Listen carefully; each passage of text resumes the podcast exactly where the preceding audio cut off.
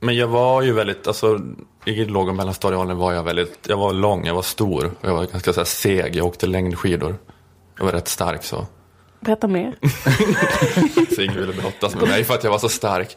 De sa i och för sig att de inte ville brottas med mig för att det var äckligt för att jag ibland fick stånd.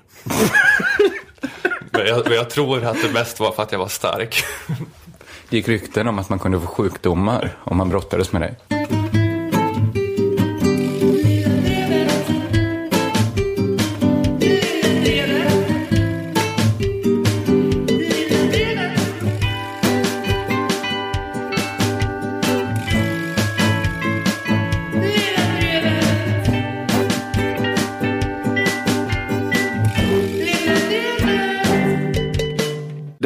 Lilla Drevet, ett pratprogram om politik och samhälle för Aftonbladet Kultur som görs i samarbete med vår sponsor Akademikernas A-kassa. Nu under sommaren spelar vi inte in nytt material så därför trycker vi ut gammalt material. Vi vandrar längs minnenas allé och släpper fyra långa samlingspoddar. En med varje Lilla Drevet-person. Vi börjar med Ola Söderholm. Alltså jag. Den här podden innehåller bara gamla prator som jag har gjort. Hoppas det inte blir förvirrande för er att vi säger saker som att finansministern heter Anders Borg. Eller att vi diskuterar sprillans nya begreppet åsiktskorridoren. Men det var så på den här tiden, 2013. Tack till er lyssnare som hjälpt till med att tipsa om segment som ni vill ha med i samlingspoddarna. Ingen har i och för sig önskat mina spaningar om klimathotet, trots att de nog objektivt sett håller högst kvalitet. Men men, jag har följt eh, eran eh, vilja. Innan vi drar igång den här kavalkaden av jag eh, så kan vi påminna om att Lilla Drevets sommarlov tar ett tillfälligt uppehåll under Almedalsveckan i Visby. Då spelar vi in två avsnitt. På måndag 29 juni är vi hos Aftonbladet på deras scen. Vet ej exakt vilken tid, men det visar sig. På tisdag dagen efter mellan 13 och 14 gör vi ett avsnitt hos Akademikernas A-kassa. Kårhuset Rindi Eh, håller de till på. Kom gärna och var publik om ni har vägarna förbi. Annars så kan ni ju lyssna på poddarna. Eh, en sak till. Jag vill ge en shout-out till Arena Idés podcast Pengar och politik. De ägnade ett helt avsnitt åt oss kan man säga. Åt Lilla Drevet. De gav sin eh, sosse-ekonomsyn på de här frågorna om arbetskritik och Roland Paulsen och Bomåleffekten som jag har yrat om i de senaste avsnitten. Det var intressant. Lyssna gärna. Det är alltså avsnitt 19 av podden Pengar och politik. I närkamp med popvänstern heter avsnittet. Okej, nu drar vi igång det här.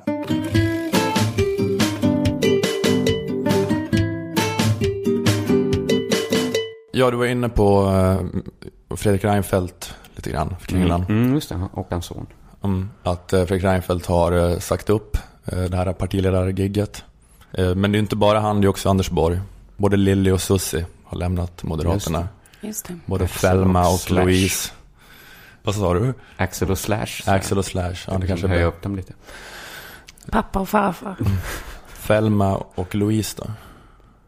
Det är bra. Två Jag tuffa tänker att de inte hade så mycket, alltså så stor grupp att lämna efter sig på något sätt. Ja, de har ju haft många som stått bakom dem får man ändå säga. Det hade ju inte Thelma och Louise. Men det kan Nej, vara men för att de sköt folk på bensinstationer också. Det har ju inte Borg och, och Reinfeldt gjort. Nej, just det. Men Man kan, man kan säga att de var, att, det, det, man kan, att de billigt talat var längst ut på en klippa på Grand Canyon omringad av 800 000 sverigedemokrater. Som ropar ge upp, triangulera vår invandringspolitik. Annars kommer alla konservativa gubbmoderater byta till oss. Mm. Borg och Reinfeldt vägrade, kysste varandra, körde hand i hand över stupet.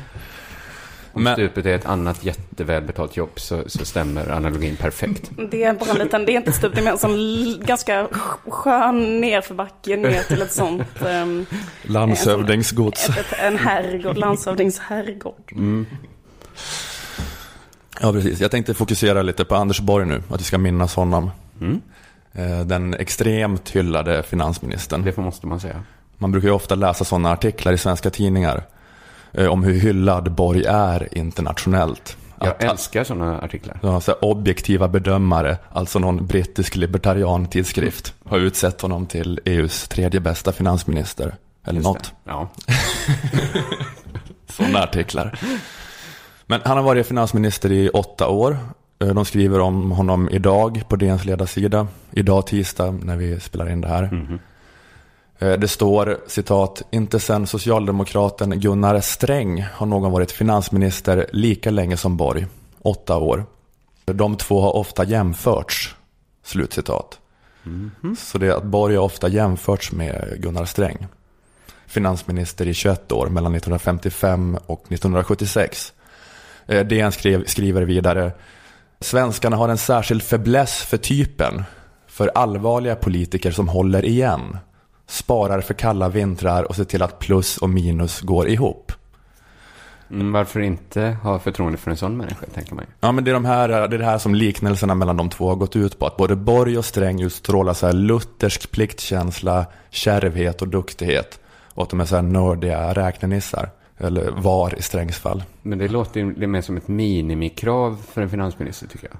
Att de inte är liksom är så här Willy Wonka-figurer. Mm. Som bygger världens häftigaste chokladfabrik för ha pengar. Utan att de faktiskt håller igen lite. Ja, men det är det en poäng förstås. Men eh, det känns som att Anders Borg har gillat jämförelsen också. Han har travesterat så Gunnar Strängs uttryck eh, emellanåt. Ordning och reda i statens finanser. Han sa i somras att regeringens eh, nya infrastruktursatsningar är en hävstång för att få fart på bostadsbyggandet. Tydligen också ett Sträng-citat. Här är saker jag hittat när jag googlat Anders Borg och Gunnar det Sträng. var ett Sebbe Stax-citat. Ja. Men det var det alltså inte.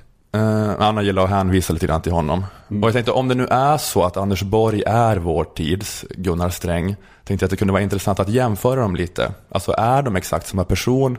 Finns det skillnader? Eller kan det säga något om skillnaden på vår tid och Strängs tid? Eh, Vi kan börja med barndom. Eh, Anders Borg växte upp i en villa i Lindö. Så välmående, lite finare, övre medelklassförort i Norrköping. Hur var Gunnar Strängs uppväxt? Han blev, förlåt mig gissa, Vad sa du? han blev såld på en auktion. Han blev så här när Fridolin hade med den här kolbiten blev han hungrig. Han mindes alla goda kolbitsmiddagar ätit som statarbarn. Gunnar Sträng kan få berätta lite själv. Jag är född i en gammal statarbarack och uppvuxen som barn i en statarbarack som sedan gjordes om till en arbetarbarack för kommunalarbetarna vid brännugnarna här ute vid Lövsta. Min far arbetar ju där. Den där baracken var full av råttor, vägglöss och kackerlackor. Han önskar att han hade blivit såld på en auktion. Han drömde om att ha Harry Martinsons barndom. Han tänkte om jag blir reinka- reinkarnerad så hoppas jag bli som råtta. För de verkar ha det mycket bättre den här arbetarbaracken. Han läste Nässlorna blomma och blev rasande över det här jävla skrytet. Vilket överflöd. Man sa senare i klippet att han, var, att han alltid somnade till att råttornas högljudda parningar på kvällarna. Så att, de, Oj. eh, så att eh, råttorna hade det kanske roligare i den här baracken. Men han växte upp där. Och det är ju ändå, han växte upp då till skillnad från alla hans syskon och cirka alla hans barndomsvänner som dog i tbc. Så växte han upp eh, i en fallfärdig statabarack som låg in till Lövsta soptipp utanför Stockholm. Eh, det var uppväxten. mellan Vi noterar en olikhet va? Ja, precis. Det diffar lite grann. Det är det, det du flyger efter. Hur började den politiska banan då? Eh, Anders Borg gick med i MUF på gymnasiet. Han tyckte att anarkokapitalism var en fräsig utopi. När han som 20-åring var med och debatterade i ett Robert Aschberg-program. Vad heter du? Anders Borg, jag pluggar i Uppsala. Jag företräder mig själv. Fortsätt. Ja, men det är, vad, jag säger det är att, att det som har skapat det här landet och gjort det rikt, det är ju människor själva. Att, att, att man ska skapa sitt eget liv, det behöver man ingen riksdag och demokrati till. Mm, men det kan man säga, ganska supertypisk muffare moderat. Att i den åldern tycka att det är jättespännande att vara så här tok-libertariansk. Läsa Ayn Rand och så kanske. Men han tänker att människor klarar sig själva helt utan någon demokratisk organisering. Han skiljer sig väl lite grann härifrån den unge Gunnar Sträng. Jaså? Eh, Han inledde sin politiska bana som Som cykelburen landsvägsagitator och organisatör av den svenska statarkåren. Men vad var, han var agitatör men inte anarkoliberal då? Han åkte inte runt så. Nej, precis. Han åkte inte runt och sa till statarna att eh, Gå för fan inte ihop nu, vad ni än gör. Gunnar Sträng cyklade i åtta år runt eh, från gods till gods i Sverige och höll möten och försökte organisera statarna fackligt. Eh, vilket var svårt eftersom att han blev bortkörd av godsägaren om han befann sig på dennes ägor. Han var så tvungen att hitta en allmän plats, som till exempel en kyrkobacke, att hålla mötet på. Jo, det var allmän plats. Ingen rasande godsägare kunde köra iväg agitatorn. Där stod han säker, även om han fick riskera en del stenkastning och eh, att man bjöd på stryk och så vidare medan man talade.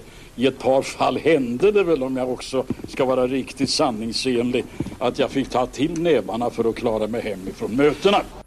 Oj ja. Ja, precis. Men han blev under sina så här, agitatorturnéer ofta anfallen av eh, nationalsocialister eller så här, olika bondpojkar som godsägarna hade lejt för att spöa honom. Mm. Han försökte ha möte och säga att det var fel med livegna bönder. Med så här, slaveri. Så han hade lite så svårare då att gå igång på unge Anders Borgs vision om att vi bara kan skapa våra egna liv på egen hand. Men jag tror och, och de att hade- politiken de inte är nödvändig. kastat sten på Anders Borg också. Om han hade stått där och pratat om att... Kom igen nu. Och till Gunnar Strängs försvar skulle sägas att Ayn Rand hade inte publicerat sina böcker då ännu, vid den här tiden. Han, Så- han kunde inte veta. Nej, hur meningslöst det han höll på med var. Hur, Alfabetet hur, perf- hur, hur självreglerande kapitalismen var. Eh, men ehm, okej, Då, men så eh, inledningen av politiska banan. Mm. Borg och Sträng. noterar olikheter främst. Lite, lite olika här också. Ska vi prata om det första politiska genombrottet. Ehm, för Anders Borg är det väl helt enkelt att han väljs till finansminister. Och påbörjar det långa mödosamma arbetet med att göra det billigare för villaägare att installera nya kök. För Gunnar Sträng är det politiska genombrottet att han, att han blir ordförande för eh, Svenska Lantarbetarförbundet. Det är alltså det här fackförbundet som han då har jobbat för. Med att försöka organisera statarna. I oktober månad, om jag inte minns fel, den 14 oktober 1944 så tog jag Lantarbetsgivarföreningens ordförande, en godsägare Lidberg från Skåne, i näven klockan halv tre på morgonen och då begravde vi statlönesystemet för tid och evighet. Ja, det var politiskt genombrott eh, avskaffa statarsystemet. Också lite skillnad då. Det har På ju den punkten. skillnad, ja. Men vad försöker jag säga med det här? Ja, det, det känns som att du är ute efter någonting. Att det kanske är lite konstig liknelse, det här med Borg och Sträng. Eller att det kanske inte är så intressant att båda är bra på att räkna. Eh, Eh, nej, att utan det vår- är kanske mer, eh, som jag sa, då, minimikravet av en finansminister. Att man Hur kan såg siffrorna att, Gunnar Sträng, hur såg Gunnar Sträng ut i en t-shirt undrar jag? För det har varit en grej med Anders Borg. Just det, vad bänkade Gunnar Sträng? ja, men jag tror att han var, alltså just att han fick slåss så mycket under de här eh, fackturnéerna. Han pratade om det, det är inte med i utklipp, men att han inte hade något emot när det blev lite ruff. Att han hade fightats två år i Hässelby boxningsklubb och var en ganska habil mellanviktare. Så jag tror att han var snygg i en tight t-shirt också. Så då har vi en likhet i alla fall. Ja, en, där har vi, precis. Ja, just det. Mm. Men, men just det där att, ja, men att, att båda är lite buttra och bra på att räkna gör dem inte till samma politiker. Alltså, att, alltså varför vill man diskutera just det? Varför är det intressant? Så här, vad händer med Sveriges ekonomiska politik om den som bestämmer över den har en lite kärv och butter utstrålning? Att det kanske är mer intressant att ställa frågan vad händer med Sveriges ekonomiska politik om den som bestämmer över den ända in i märgen vet hur fattigdom känns? Och vad händer med Sveriges ekonomiska politik om den som bestämmer över den vet hur det är att bo i en stor villa där det fanns jättemånga rum att städa och där man snabbt blir lite trött på sitt kök? Att det kanske, att det kanske är intressantare frågor. Att du tycker man ska hänga upp sig på ställa sig. olikheterna än likheterna här. Ja, men om man ska hålla på och jämföra Borg och Sträng. Ja, just det. Ja. Så verkar olikheterna, de är mer ögonfallande. Ja, man kan prata om likheter då, men man kanske också kan prata om skillnader. Lite skillnader finns. Det är klart. Ja. Eh, vad skulle Gunnar Sträng göra om han hade levt idag? Vi har pratat om Palme. Ja, jag vet inte. Men, jag tänker att de här skillnaderna är intressantare än likheterna också just på grund av vad de gjorde då. Att Sträng under hela sin finansministertid gjorde skattesystemet mer progressivt och byggde ut välfärden. Och Anders Borg har sänkt skatt med 140 miljarder och hållit tillbaka välfärdssatsningar. Det är också en, skillnad, en stor skillnad. Det är en skillnad. En skillnad som borde ha tagits upp kanske i den här DN-artikeln. Mm, precis. Inte att eh, båda såg lite allvarliga ut när de var med i tv. Ja, men jag, det, är bara, det är egentligen bara det jag tycker att jämförelsen är lite konstig. Att kanske att om så här, typ Zlatan Ibrahimovic hade blivit finansminister. Då hade det lite mer varit vår tids Gunnar Sträng. Eller jag vet, inte, om Zlatan har något syskon som är bra på att räkna kanske. Som växte upp där han växte upp. Det har han säkert.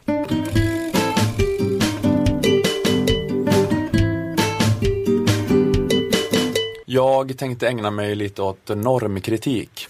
Äntligen. Ni vet när man försöker backa ut från strukturerna man lever i och se på dem med rena ögon. Varför är det på det här viset? Just det. Just. Varför måste tjejer alltid banta, Ja, gråta i duschen, tell me about it. stå framför badrumsspegeln och kleta rött läppstift runt munnen och klippa sin lugg för kort med en slö nagelsax. Ligga med killar som hatar dem. Ta en taxi mitt i natten till en DJ som får dem att känna sig som en bit plast man kan slänga i papperskorgen. Och varför måste killar vara så känslomässigt och kommunikativt handikappade att de bara kan hantera sin ångest genom att ta anabola steroider och träna maniskt? Jävla strukturer. Slå ner folk som tittar, missbruka porr, bränna ner sin gamla skola, ta kille. och spela World of Warcraft tre dygn i sträck, inte söka hjälp utan istället sätta sig på skoten och köra ner i en vak. Bita ihop. Varför är det så här med, med alla killar och tjejer? Jo, för så har det alltid varit, ropar Kringlan och Nanna i kör. Ja. Ja, Vad- Vart vill du komma med den här? Då, då kommer jag, Ola, normkritikern, in och säger, men tänk om det inte måste vara så? Du brukar säga en annan värld är möjlig, brukar du säga. Ja. Eh, Om det har alltid varit så är det enda argumentet för att normen upprätthålls. Då kanske det är dags att ändra på den här normen. Absolut. shit. Men varför, varför båda ni har, jag slutade ha de här liksom löjliga rösterna när vi sa det här, men ni fortsatte. Ni menar att det här är dumma idéer? Nej, jättebra Nej, idé. det är bra idé. Skitbra med normkritik. Men Ja. det är en annan eh, fråga jag tänkt vara normkritisk kring. Mhm. Nämligen den här grejen som Aktuellt eh, toppade sin sändning med för några dagar sedan. Men vi börjar med Naturvårdsverkets beslut idag som öppnar för jakt på uppemot 90 vargar i Värmland och Dalarna redan i vinter. Eh, ja, man ska få skjuta en massa vargar. Det här är alltså normen att riksmedia ska rapportera exakt allt om vargfrågan. just det. Ja, just det. Varför är det så? Vi är uppvuxna med vargfrågan, ropar Nanna och Kringlan i kör. Och ingen jävla kulturmarxist ska få ta ifrån oss att Aktuellt med jämna mellanrum ska ägna halva sin programtid åt några trebenta incestoffer till vargstackare i Värmland. Du har inte pratat med Thomas Wassberg, det hör jag. Ja, precis. Ja, det kanske, är- det kanske är mera han eh. Han, har- han har aldrig sett en varg som inte har en spädbarnsarm som sticker ut som en cigarr ur ena mungipan. Det är liksom den vanligaste En bilden i hans varg som har trädgård. klätt sig i tantkläder och ligger i sängen. Nio månader senare föddes Thomas Wassberg. Thomas, varför har du så stora öron? Ja men precis, ja, men det kanske är svårt då för Thomas Wassberg och för er, som, ni som inte är lika tränade i normkritiskt tänkande som Nej, jag är. är. Men jag tänkte om vi försöker se på den här normen utifrån så tror jag att det är svårt att hitta någon annan anledning till att det rapporteras om vargfrågan annat än att så har det alltid varit.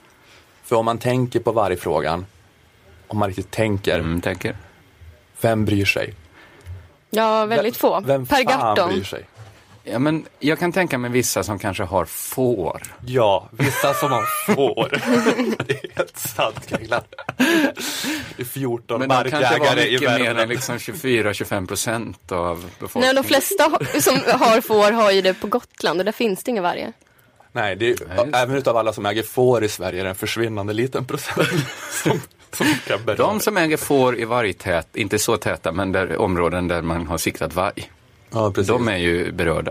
Mm. Ja, men det, det berör eh, några markägare i Värmland. Men varför ska det då vara i riksmedia hela, hela tiden? Det tar aldrig slut. Det är, liksom, det är en sån nyhetsvärdering som saknar motstycke när det gäller vargfrågan. Att det, liksom, att det, jag vet inte, det är fascinerande att, att vi är liksom 99,9 procent som inte på något sätt berörs av den här debatten. Vi måste ändå höra vartenda inlägg i den. Att vi behöver liksom inte höra varenda inlägg i debatten i Sorseles kommunfullmäktige om hur snöröjningen ska upphandlas. Utan det är, så här, det är en lokalreporter som gör en grej om det. Men, men det är något väldigt speciellt i de här värmländska skogarna. Jo fast det blir, jag tror det brukar ju alltid bli så himla hetskt. Det är väl typ att folk hotar med att skjuta varandra. Men med inte- jaktbössorna och så. Jo, precis, det är en del att det är sån jägarna-stämning hela tiden. Eh, Man, men en så det annan- finns ju potential för något riktigt, riktigt snaskigt i debatten. Kanske inte i frågan i sig, men i eh, de olika Rapportera lägena. om den när de har skjutit varandra. Ja, det kan jag hålla med om. Varför ska vi liksom, nu är det bara att, nu är det bara att de är jättearga på varandra, två värmländska gubbar eller gummor. Men, de, är- men är det inte också att, de är, att lagen ser mer ut så här att det är några, på ena sidan står några fårfarmare som fått hela sin inkomst förstörd av en varg. Och på andra sidan sitter några i Stockholm som inte ens lyckats se Ja. en varg när de varit på Skansen. Det är väl en sån stad och land Eh, nu konflikt. sa jag det tråkiga Ja. uppenbarligen. Men är det inte det vanliga att man är sur på stockholmare om stockholmare tycker lantisar är bönder? Ja men att det Ja, kanske är så här, men där sitter några miljöpartister i Stockholm och typ tycker att vargar är söta för de har sett en varg, vargbebis på Youtube typ. Och så har hon Eh. målat sin båt med vargblod. Så att det blir någon sorts dubbel moral där i alla fall. Och de vet inte hur vargarna ser ut egentligen i Värmland. De liksom, våra svenska vargarna som har så här, familjen Fritzels stamtavla. Det är helt fruktansvärda. Ja. Precis, de har sett en, en varg på internet skälla ut en dammsugare på ett gulligt sätt. Ja, men jag, jag såg i alla fall en studie som eh, undersökt artiklar i svensk dagspress 2006-2012. Och det var fler artiklar om vargfrågan än vad det var artiklar om till exempel FRA-lagen. Också, Oj. också fler än vad det var artiklar om jobbskatteavdrag. Två stora snackisar. Ja, ska vi bli övervakade och hur mycket skatt ska vi betala? Jag har, bara, jag här känsla av att det är saker alla kan relatera till på ett annat sätt än de här superstarka åsikterna om vargarna. Fast frågan i sig, vargfrågan, ska vi ha vargar eller inte? Eller, det är ju ändå en ganska enkel fråga. FRA är ju ändå att man måste sätta sig in i text på ett annat Mm, Det är sätt. klart. Men jag, jag vet inte ens om jag ställer upp på det här påståendet att jag, självklart, du kan ju vara överens om att ingen berörs av det direkt, det berörs, berör ingens vardag. Men då är det här hur känslomä- mycket känslomässigt man bryr sig om det.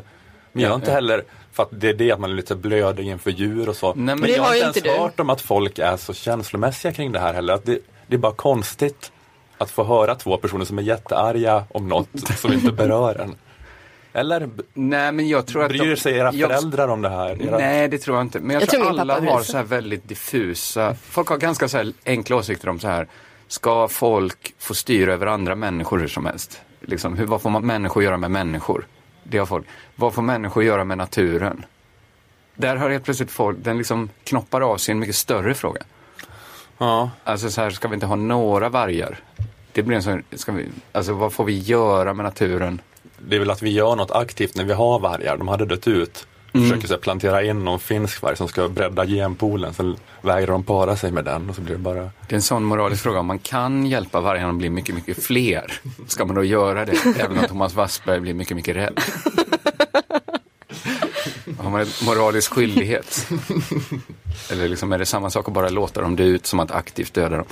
Men eh, akt, Aktuellt då, här för ett par dagar sedan, de hade skopet att det är oenighet i regeringen i den här frågan. So, sossarna eh, och landsbygdsminister Sven-Erik Bucht tycker att den här skyddsjakten på varg är en bra idé och Miljöpartiet i form av miljöminister Åsa Romson har gått ut och sagt att hon är emot den. Och det var på riktigt så här, först ett långt nyhetsinslag, eh, sen studioprat där Aktuellts politiska expert kommenterade, sen paus för att berätta om lite oviktigheter, sen åter till vargfrågan, långt reportage om kränkt markägare i Värmland, sen debatt i studion mellan två vargåsiktspersoner. Regeringspartierna visar öppet att man är oense i, i vargfrågan. Hur ska det här tolkas? Ja, det är ju ganska oproffsigt skulle jag säga att gå ut så här, att öppet visa på att man har olika åsikter. Det inger ju inget förtroende för en regering. Nej, Nej. vargfrågan kan inte påverka förtroendet. För det spelar verkligen ingen roll. Alltså regeringen får vara hur förvirrad de vill i vargfrågan. De får fucka upp den totalt. Det är inte det som kommer fälla regeringen. Nej men det är precis, jag hade, liksom, jag hade inte brytt mig om en helt, helt galen människa skötte vargpolitiken. de hade kunnat outsourca den till någon så här som blev Men det kanske från psyk, minskat liksom, är det på grund av så nedskärningar. man ska liksom lösa allting? Att låta så här någon SD-kille, gubbe bli så här vargminister? Du får bestämma, ni får bestämma får. allt om vargarna. bara rösta med oss. Ni får allt om vargarna. Men kommer du inte bara utnyttja det till att så här, fucka upp för samerna på något sätt? Alltså att sätta jättemycket varg där det är samer. Men jag tror inte det är så lätt att få vargarna att älska med varandra. Nej. Att de är som pandor, att de måste ha så här vargporr. Är det common knowledge nu att Att pandor måste ha pandor måste speciell kolla på porr. Ja. Ja, jag visste inte att alla visste. Nej, okej. Det här var fan den bästa idé jag någonsin fått. Vargministerposten. Jag kan se Björn Söder. Ja, precis. ja, men det spelar liksom som sagt ingen roll. Det hade kunnat vara Thomas Wassberg jättegärna. Mm. Att han åker runt och skär upp buken på alla vargar i jakt på rödluvan. spelar absolut ingen roll. Alltså, jag tycker det hade varit en skandal om regeringen haft en genomtänkt vargpolitik. För det hade betytt att de hade slösat tid liksom, på den meningslösa skiten. Jag tror du kommer få, eh, kanske inte hot, men, eh, men så här- arga, arga mejl. Det kommer vara så här stängt vargurin på Olas dörr. Och sånt. Jag tror inte vi har kanske så mycket lyssnare som har starka åsikter, men det räcker med att någon pingar in någon av dem. Så kommer man, vara ge- det man ger sig på liksom, en grupp som har vapen. Ja. Du blir den autistiska killen i Jägarna ganska snart. Vi ska bara ut i skogen. Du ska få följa med för en gångs skull.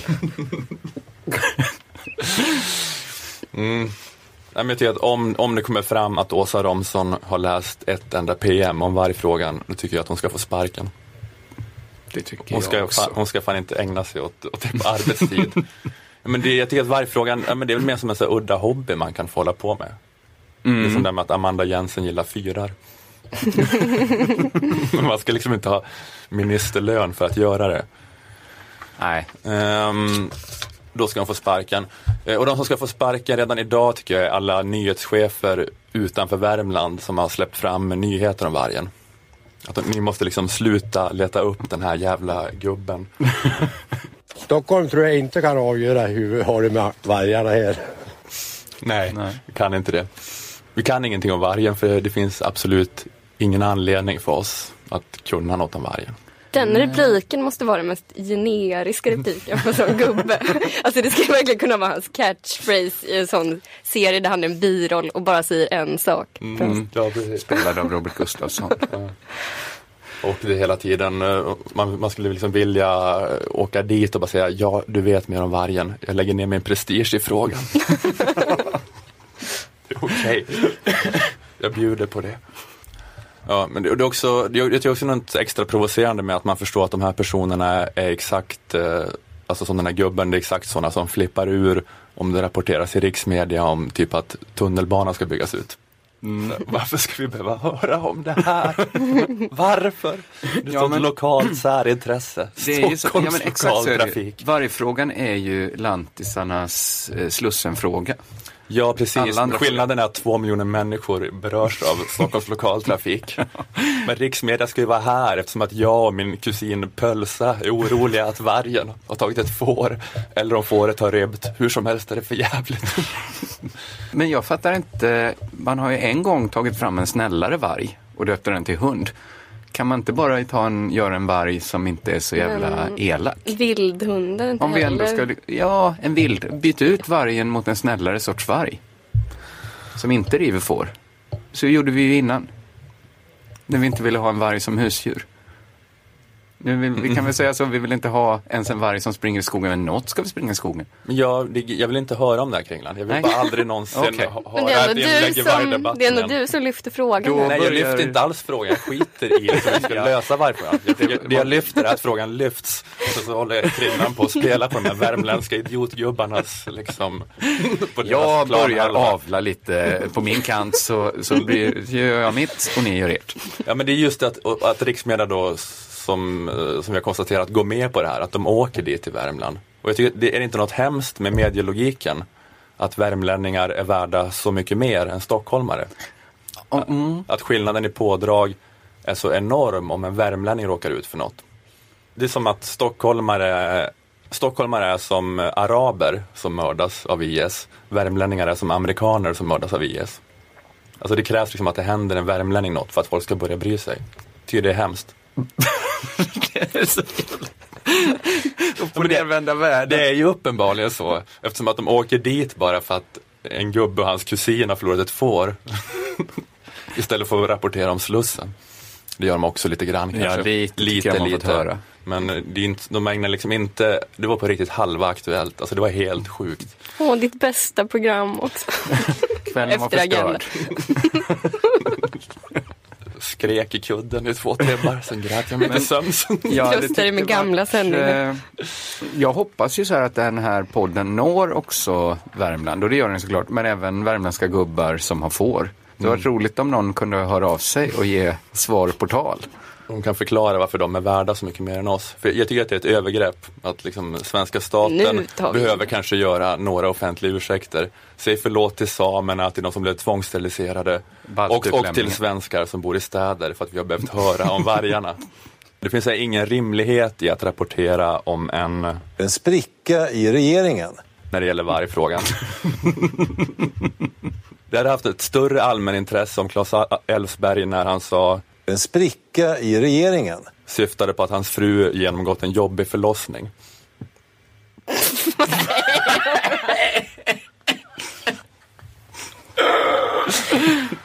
Oj, oj, oj. Det är... Jag vet inte. Jag vill skohorna in det skämtet. Det kommer inte alls naturligt, men det här är så bra.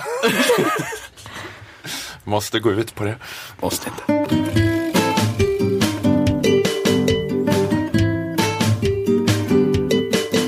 Har ni hört om den trånga åsiktskorridoren? Nej, Eh, Jag har hört termen nämnas, jag har inte riktigt förstått vad den går ut på. Det, det är dens förtjänst, eller det är dens fel att eh, du var så ängslig när du pratade om Beyoncé nyss. Det är på grund av den då är jag trånga... glad för den trånga åsiktskorridoren. Och nu får folk att tänka till lite. Nej, men det var inte det Ola menade. Det är var- häxjakt på fel åsikter. Man brännmärks som idiot och fascist och man avviker lite grann från åsiktsnormen. Och det har mestadels gnällt som att det finns en åsiktskorridor när det gäller debatter som rör identitetspolitik. Så här normer, etnicitet, kultur och genus. Men det är att man, att man ska vara renlärig i sin antirasism och feminism och antisexism. Och man ska vara medveten om sin identitet. Ja, det är väldigt höga krav kanske man upplever ibland på bara få ha en åsikt. Men det, det är kanske bra att folk inte bara slänger ur sig massa skit. Som jag det gör gjorde. ju folk ändå. Liksom, så att Ja. det, Det kanske är bra. Men, det, man, man, men just det här med identiteten då också, vem är jag? Har jag kroppslig erfarenhet av att vara kvinna? Eller att vara icke-vit? Nej, det har jag inte. Det har du inte. Nej, jag trodde det var att du skulle berätta någonting för oss här, Ola. Men Ja, Men kan jag trots att jag inte har det uttala mig om vad som är det rätta sättet att vara feminist och antirasist på? Eller ska jag ligga lågt? ja, ja. Vissa debattörer tycker att det har blivit ett kvävande debattklimat när det gäller de här grejerna. Det är för lätt att trampa fel, att det finns en sån här inkvisition av rättänkare. Och så fort man är antirasist eller feminist på ett sätt som pytte, pytte lite avviker från rättänkarnas norm så blir man stämplad som Fritzl, Hitler, Breivik. Ja, ja. Mm. Och det här är då så här kritiken om sekterism som riktas mot vänstern i vår tid. Men det fanns ju en sekterism bland vänstern under 60 och 70-talet också. Eh, Men då handlade det ju mer om att vara renlärig i sin kapitalismkritik. Att det var på det området inkvisitionen jobbade. Att vi kom på det med att läsa DN. Precis. Nu måste vi föra ut det i gryningen och avrätta dig. Man har ju hört så här hårresande historier om eh, kommunister som kommer hem till folk och sågar av eh, sängbenen hos varandra. Ja. Varför ska du ha sängben? Är du bättre än oss eller? Du läste Pippi för ditt barn, tvångsomhändertagare dig, upp, uppfostrade dig i maoistcellen. För hon är kapitalist. Men detta tyckte då folk var så härligt så det vill de ha kvar i den feministiska och... Eh, Ja, men, nej, men precis, men det var då eh, sekterismen på den tiden. Du läste DN, vi för ut det i gryningen och avrättar dig. Och nu kanske inkvisitionen mer är att, jag menar, att Nanna Johansson ritar en serieruta där hon skriver att män är sådana som har penis. Då ska hon dö. Att det är så underförstått att män alltid har penis. Nanna osynliggör transpersoner, hon är transfob. För ut henne i gryningen och avrätta henne. Och jag tycker inte att det är något fel med det här. Jag tycker att det är Tycker du inte jättebra. Eller kanske lite, det är kanske svårt att teckna serier utan att få använda sig av sådana grejer, att gubbar har kuk. Men, men jag tycker att det i princip är bra att det finns en vänsterdebatt som synliggör transpersoners erfarenheter. Absolut. Att det, det är bra att det finns en sån debatt också. Men jag kan tycka att det är lite konstigt att vänstern så mycket har glömt bort den här förra sekterismen. Alltså särskilt i den här tiden då kapitalismen har spårat ur mer än någonsin. Du Alltså- vill ta tillbaka den mer? Ja, precis. Det är inte att jag vill ha bort ena åsiktskorridoren, jag vill ha fler åsiktskorridorer. Ja. Aha, Ja, jag tycker det låter bra. Ja, för att kapitalismen har spårat ur tio gånger mer nu än vad den hade gjort då på 70-talet. Då det var sekterism om den. Vi har då ökade ekonomiska orättvisor och framförallt den här liksom ekologiska katastrofen kapitalismen är på väg att skapa. Att det råder så här bred politisk konsensus om att vi måste fortsätta med tillväxtsamhället tills vi har eldat upp varenda kolmolekyl vi har hittat på botten av Arktiska havet. Och när så ekonomismen är på väg att skapa ett postapokalyptiskt Mad Max-samhälle där det är alla krig mot alla om den sista bensinen, då känns det så här orimligt att vänstern bara ska fokusera på att Ulf Brumberg saknar insikt om den patriarkala, heteronormativa, cisnormativa, vithetsnormativa diskursen. Ja. Men min poäng då är att jag tycker att det är jättebra att vänstern fokuserar på Ulf Brumbergs bristande insikter om eh, cisnormen också. Men att det kan inte bara vara det i det här läget vi är nu. Inte bara om huruvida Miley Cyrus har rätt att twerka, twerka, vad heter det? Jag vet inte, du anklagade mig definitivt. för att prata dålig engelska alldeles nyss, så jag ska nog inte säga så mycket. Ja, men för det, jag tror också, det är också de ekonomiska orättvisorna och det så här framväxande Mad Max-samhället eh, som gör folk arga och rasistiska och sexistiska. Tror jag. Så det blir ju sämre också ur identitetspolitisk synpunkt. På det viset också. Alltså i Mad Max-samhället då kommer vi bara bli våldtagna av olika krigsherrar hela tiden. Bara. Och, då kommer vi kanske längta tillbaka till tiden då Nanna Johansson var problemet. det kommer ses som en guldålder. Jag har ju haft en period i mitt liv när Nanna Johansson varit problemet. Mm. Ja, men för det är också, för när, man, när vänstermänniskor pratar om identitetspolitik så är det lite svårt att eh, komma åt eh, kapitalismen. Det var lite som vi pratade om med Beyoncé, att eh, hon är då för feminismen, men den går liksom att inkorporera i tillväxtgrejen då. Ja, just Att det är bra med feminism för att det är bra för tillväxten. Alltså de kamperna kan alltid plockas upp av kapitalismen. Så här, ja visst, vi ska vara feminister. I riskkapitalbolagets styrelse ska det vara lika många kvinnor som män.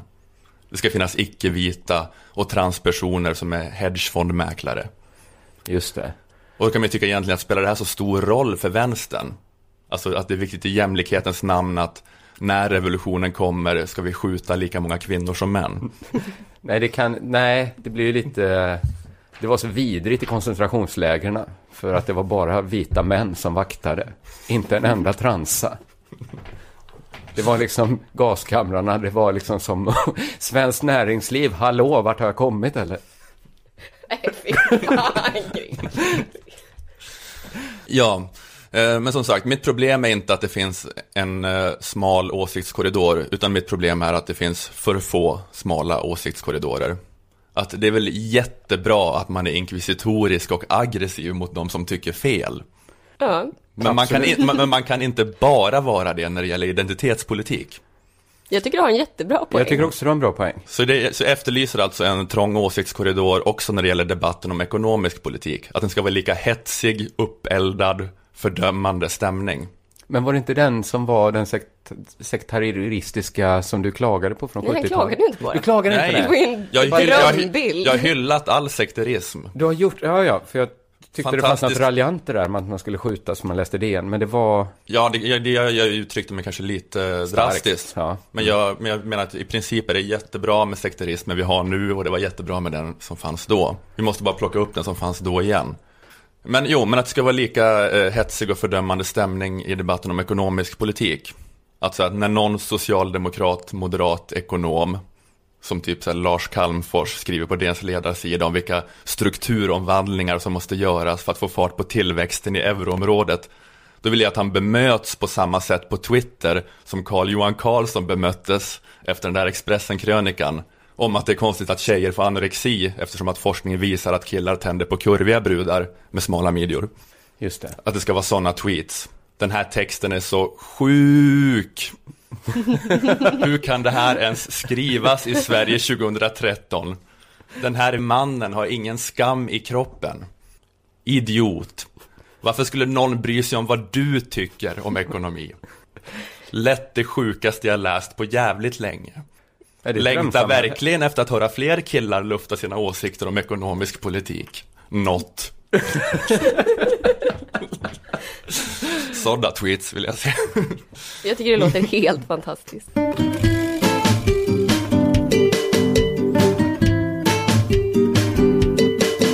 Jag avbryter mig själv här för ett ögonblick för att berätta att den här podden görs i samarbete med Sveriges största och bästa a-kassa, Akademikernas a-kassa. Ett skäl till att de är bäst är att avgiften är låg, bara 90 kronor i månaden. Och är du akademiker är Akademikernas väldigt praktiskt för du behöver aldrig byta a-kassa. För du kommer ju alltid vara akademiker. Oavsett vilken bransch du jobbar i. Så gå med i a-kassan. Det blir snart ännu fördelaktigare för från och med 7 september höjer sossarna ersättningen och då kan du få 20 000 kronor i månaden när du befinner dig mellan jobb. Du kan också gå med redan under din utbildning.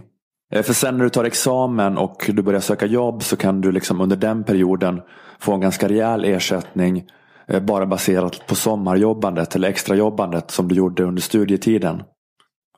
Eh, läs mer om allt det här på aea.se. Om ni tar steget att gå med i Akademikernas eller någon annan a-kassa tack vare den här podden. Skriv det gärna i er ansökan eller berätta om det i sociala medier under hashtag lilladrevet.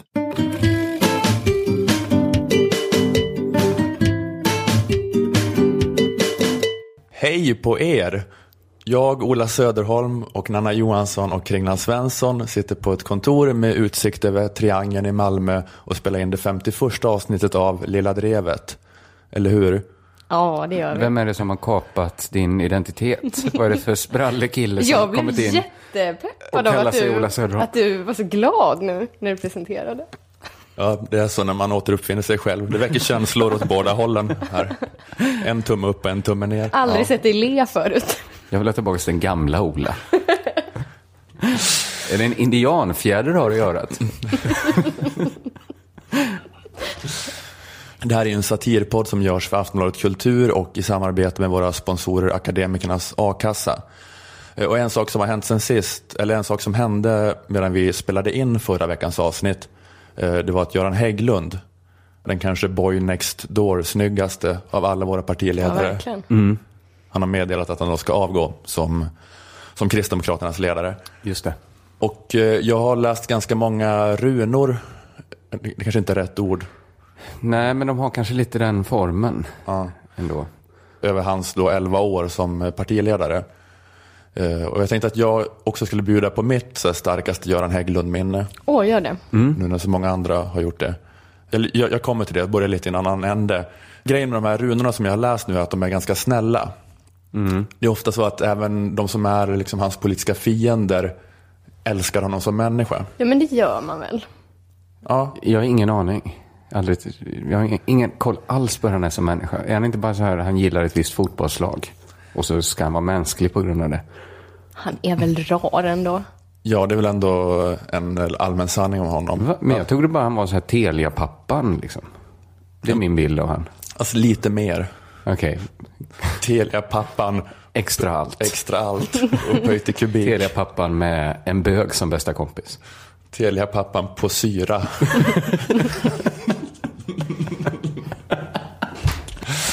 Nej, men det är ju ändå det som folk brukar säga om Hägglund, att eh, han är populärare än sitt parti. Var har det ni väl inte det hört. de sa om Alf Svensson också? Alltså att de kanske borde tänka så här, varför har vi inte ett så populärt parti? Varför är det så lätt att vara populärare än hela vårt parti? Varför är det omöjligt för oss att välja en ledare som är lika impopulär som vårt parti? Varför känner vi att vi bara drar ner vår partiledare? Vi är, vi är, parti, vi är hans fula kompisar. Det är därför vi inte blir inbjudna någonstans. Ja, men det har i alla fall varit eh, allmänna sanningen. Han är populär i sitt parti. Han är för bra för sitt parti. Han är så rolig. Alltså så rolig. Just det, han är rolig. Ja, men det trodde jag alla kände till. Du var inte riktigt med på den eh, allmänna sanningen jo kring den. folk säger att han är rolig och sådär. Men Ja, eh, och- det är väl den spridd sanningen. Och så sympatisk. Sympatiskt sätt. Alltså alla har ju lite den bilden av Göran Hägglund. Att, att om Göran Hägglund så här ligger med en kvinna och han testar så att fingrarna är lite i analen. Och hon tar bort hans hand. Då respekterar han Just det. det. Just det. Det är inte så att han så här, bara fem minuter senare provar igen. Du, han är inte den typen. Det här är redan min bästa runa. Jag tycker, när han dör så är det bara att mikra på den här och köra igen. Ja, men han är ju den typen som man tänker att nästa gång får hon ta initiativ till det i så fall. Just det. Mm. Den imagen har ju Göran Hägglund. Närmast osannolikt socialt kompetent och trevlig. Och det är just med den här imagen i åtanke som jag eh, skulle säga att eh, Göran Hägglund har åkt på den hårdaste dissen som någon någonsin fått från en partikamrat. Alltså det är det här nu som är mitt eh, starkaste Göran Hägglund-minne. Ja, ja. Eh, Eller kanske inte så här hårdaste, men så här mest så här svidande nålsticket. Så här jobbigaste lilla så här pillande på smärtpunkten. Och det här skedde när han blev utmanad 2011 av Mats Odell. Mats alltså. Den ormen. Jag vet inte om ni minns det. Eh, Odell ville bli- bli partiledare istället. Eh, och en av kristdemokraterna som var på lag Odell då hette eh, Kristina Doktare. En kristdemokrat. Hon var med i P1 och argumenterade för varför hon ville byta partiledare. Du tillhör då den grupp som vill att Hägglund ska avgå. Varför? Ja, det stämmer. Jag tycker att hans ledarskap håller inte måttet. Vad är det för fel på honom då? Vad är det för fel på honom? Eh, ja, jag kan ju tala av den personliga erfarenheten jag har av honom. Till en början så framstår han som oerhört trevlig och lyssnande, men sen märker man efter ett tag att det är som en teflon. Det bara rinner av, det är inget som om ingenting går in. Och det verkar inte som han lyssnar. Oj. Ja, det är ett överraskande hårt sätt att uttrycka sig. Ja. Att det borde finnas ett mer så här diplomatiskt sätt att säga det man vill säga i ett sånt läge. Att jag tycker att vi kanske att partiet behöver en ny start och en kursändring. Lite nytt blod. Alltså liksom hon vill ha bort honom från partiledarposten. Men hon uttrycker sig mer som att hon vill ha bort honom från Paradise Hotel. Mitt problem med Göran är att han är falsk. Han är fucking falsk. Han är här för att spela spelet, han är fucking falsk. Det är mitt problem. Det var väl bara på något vis att det var en så här sällsynt neslig dolkstöt här. Som har etsat sig fast i mitt minne. Så jag hörde det här Ja, på jag P1 förstår för fem det, år För sedan. det är många som, eh, som inte minns allt de hört. Just att just gå på det här att ifrågasätta hans trevlighet. Mm.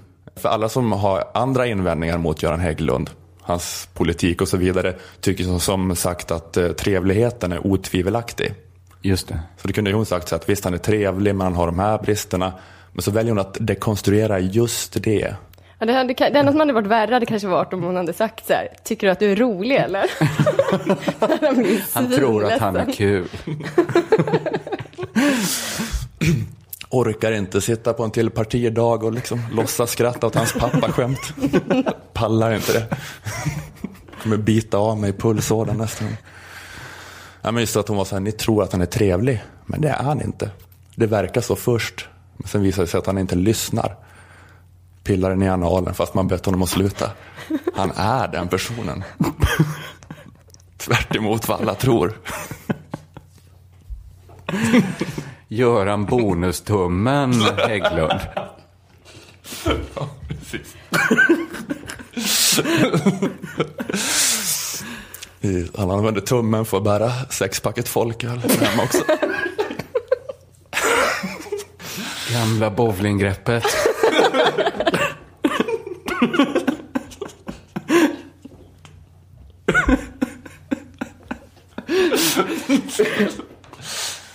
Har du någon slags snusk-tourettes när det kommer till Göran Hägglund? För jag trodde först att här, när du skulle prata om ditt starkaste minne om Göran Hägglund, att du skulle berätta om när du träffade honom och pratade om, om, om keso i fittan.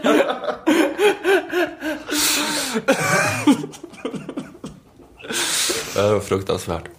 Just det, det var när vi var, jobbade med P3-programmet som vi inte nämner vid namn och intervjuade Göran Hägglund på Almedalen. Fick in keso-liknande flytningar i en fråga på något sätt. Det blir ju så helt naturligt. Ja, fast det kändes inte helt naturligt. Det kändes så här, vilken pubertal idiot Kände som sen lite- ska chocka en Christer Gubbe som bara himlar med ögonen åt honom. Det är alltså att det är fel fokus att diskutera vinstdrivande företag eller inte. Det viktiga är kvaliteten på verksamheten. Så här, so what om Robinson Jan Emanuel använder skattepengar öronmärkta för ett asylboende till att köpa en Lamborghini om kvaliteten på boendet är bra. Men jag tänker, borde det inte finnas något slags samband mellan kvaliteten på något och hur mycket pengar som går in i det? Jag tänker att säga att problemet är inte att det försvinner pengar i vinstuttag, problemet är bristande kvalitet. Det blir lite grann som att säga problemet är inte att Jonathan har oskyddat sex, problemet är att det svider när han kissar. Förstår du vad jag menar? Så konstigt att fokusera just på det, att Jonathan har kesoliknande flytningar. Att, att man inte någonstans går lite bakåt i orsakskedjan och försöker hitta så här, bakomliggande orsak till det här. Jo, men jag, det är ju, det är ju, alltså, mitt svar är ju mer komplicerat.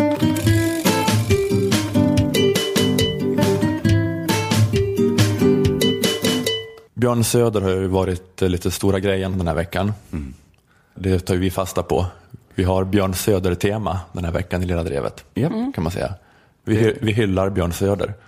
Vi sitter Ja. här, vi har på oss klubb-blazers, vi har skallepär-peruker. Vi försöker få till den här härligt intensiva pitbull-terrier-utstrålningen. Ja, Jag pratar, nej, jag kan inte riktigt hamna. ganska bra. Man vill gå fram till honom och lossa på hans slips, tycker man ska få lite mer luft. Ja, precis. Det är det här äh, att se ut som att man är så att man är så här spänd i nacken för att det är som att man har ett koppel som nätt och jämnt klarar av att hålla tillbaka en. Att ha den uppsynen. Så här att, men nu, den som håller i kopplet har nu sjukskrivits för utbrändhet. Så nu, liksom, att man, så här, äh, man ska ha den där uppsynen att man när som helst kan göra ett utfall och bita ansiktet av en bebis. Just Det är den looken vi sitter här och försöker få till nu. För att vi, det. vi har Björn Söder temafest. Mm. Man kanske ska ge lite bakgrund. Björn Söder är ju då Vi Sverige... dricker kaffe ur högarnas krus. Björn Söders favorit, kärl. Mm, men eh, för att ge lite bakgrund så är då Björn Söder Sverigedemokraten som gjort eh, skandal genom att i en intervju i Dagens Nyheter berätta att han är Sverigedemokrat. Det är väl det som har hänt. Eh, de har legat lite lågt med vad som står i principprogrammet senaste åren men nu bara sa han det. Att människorna i Sverige ska inte bara vara svenska medborgare utan de ska också uppfylla de lite mer luddiga kraven. Att eh, själva känna sig som svenskar och av andra uppfattas som svenskar. Ja, precis. Jag tycker det har blivit en liten sammanblandning där och begreppen. Alltså, det var ju Sverigedemokraterna som låtsades att de inte var rasister. Men då har liksom folk blandat ihop det lite så vi andra har också låtsats som att de inte är det. Och måste då bli förvånade när de är det. Det är det som har hänt. Det har varit framgångsrikt av dem. Ja, Bra låtsats. Ja, precis. Och då kommer de liksom till den här konstiga situationen att folk kan kräva att någon ska avgå för att den tillhör det partiet den tillhör. Det är det som har hänt nu. Det är bara att eh, eh, krav på att Björn Söder ska lämna sitt uppdrag som riksdagens andre vice talman Eh, på grund av att han har erkänt att han är sverigedemokrat. Eh, men eh, han sa bland annat i DN-intervjun att människor inte kan ha dubbla nationstillhörigheter. Ehm, Reporten undrar om man inte kan vara både jude och svensk samtidigt. Och Söder svarade att de med judiskt ursprung som blivit svenskar har lämnat sin identitet. Att man kan inte känna samhörighet med den judiska nationen och den svenska nationen samtidigt. Det är antingen eller. Ja, han, var, han var helt enkelt sverigedemokrat. Sa att ett gott samhälle kräver att människorna i Sverige assimileras till en svensk folksjäl och att de avsäger sig eventuella tidigare nationaliteter. Folkens och staternas gränser ska sammanfalla. Men sen så var han med i Aktuellt i måndags. Just det. eh, För att förklara sina uttalanden. Eh, Och då var det återigen lite det här då, reträtt till att inte längre erkänna att man är sverigedemokrat. Eh, Programledaren ställde samma fråga om att vara jude och svensk samtidigt. Om de utesluter varandra. Men om man känner sig som svensk, men man känner sig också judisk, man känner sig också samisk. Det är inga problem. Det är, upp till, det är inte jag som politiker som ska berätta vad folk känner sig, utan det är upp till var och en. Ja. Och jag, men jag blev så irriterad på Aktuellt programledaren. För att hon högg inte på det att han sa motsatsen i den intervjun. Då sa han att jo, det är upp till mig. Mm. att dels har jag förmågan att avgöra på vilka sätt det är möjligt för människor att känna identitet och att det är en hörnsten då i, i hans politiska kamp att människor i Sverige ska känna på ett speciellt sätt. Och jag tänker liksom att det är väldigt bra om just det här kommer fram så mycket som möjligt. Eh, att det här är inte bra för SD, den här grejen. Det är inte bra för deras svenssonpotential. Nej. Ja, Ni vet att de, att, så här, att de lovar att göra att man ska slippa dåligt samvete över att man är rik när man går runt på stan genom att förbjuda fattiga romer. Alltså det fattar jag att det, det finns en svennepotential i det. Just det. Och att de så här lovar att det kommer finnas nog med pengar att bygga äldreboenden i guld om vi bara stänger av invandringen. Att det finns liksom en populism i det också, den enkla tvåstegsraketen. Eller säga så Stopp, här, stoppa invandring, sen de, pengar. De som kommer hit är de som har mycket pengar att ta, alla de pengarna och ge dem till de som bor där. Och sen stänga gränserna. Ja, det finns Mm. sve- tydlig svennepotential. Ja, men det är en populism man kan fatta Ja. gå hem. Men det här folk och nationsmystiken, jag tror inte ens att det är populism, det är bara weird för folk. Alltså tanken på att man inte själv kan välja hur man vill identifiera sig. Att det inte är upp till var och en att ha en känsla för mycket eller lite svensk eller jud eller kurd eller whatever man är, utan att politiker ska recensera den känslan. Alltså det är så, så här, i grunden antiliberalt tankesätt att det bara är rimligt för de här hardcore SD-arna Ja, men det, är som, det är som det här med Höganäskrusen, liksom, när, de ska, när de börjar resonera om sånt. Alltså vad är det, att han sa där i DN-intervjun att det vanliga folket, eller allmogen, som Björn Söder kallar det. Ja, där tappar han ju många som inte vill identifiera sig som allmoge. Men det jag tycker är lite Vad de obehagligt. gillar. Eh, Det tycker jag också är faktiskt lite obehagligt med det här. Att det är så att de har ju sagt det så jättemånga gånger, hetsat så fruktansvärt mycket mot muslimer och sagt så här, muslimer är det största hat, hotet mot civilisationen, de ska inte bo här, de kan inte bo med andra människor, eller med svenskar då, och så vidare. Och då liksom att man har, eh, men att det liksom kommer en väldigt mycket starkare reaktion när de börjar prata om samer eller judar eller så. Alltså förlåt, men eh, jag kan känna lite att det också är så här, att det liksom är på något sätt mer sanktionerat att eh, ha så här irrationella, eh, liksom biologistgrundade känslor inför muslimer. Ehm, men eh, det SD menar är ju att uh, svenskhet är något mer än medborgarskapet.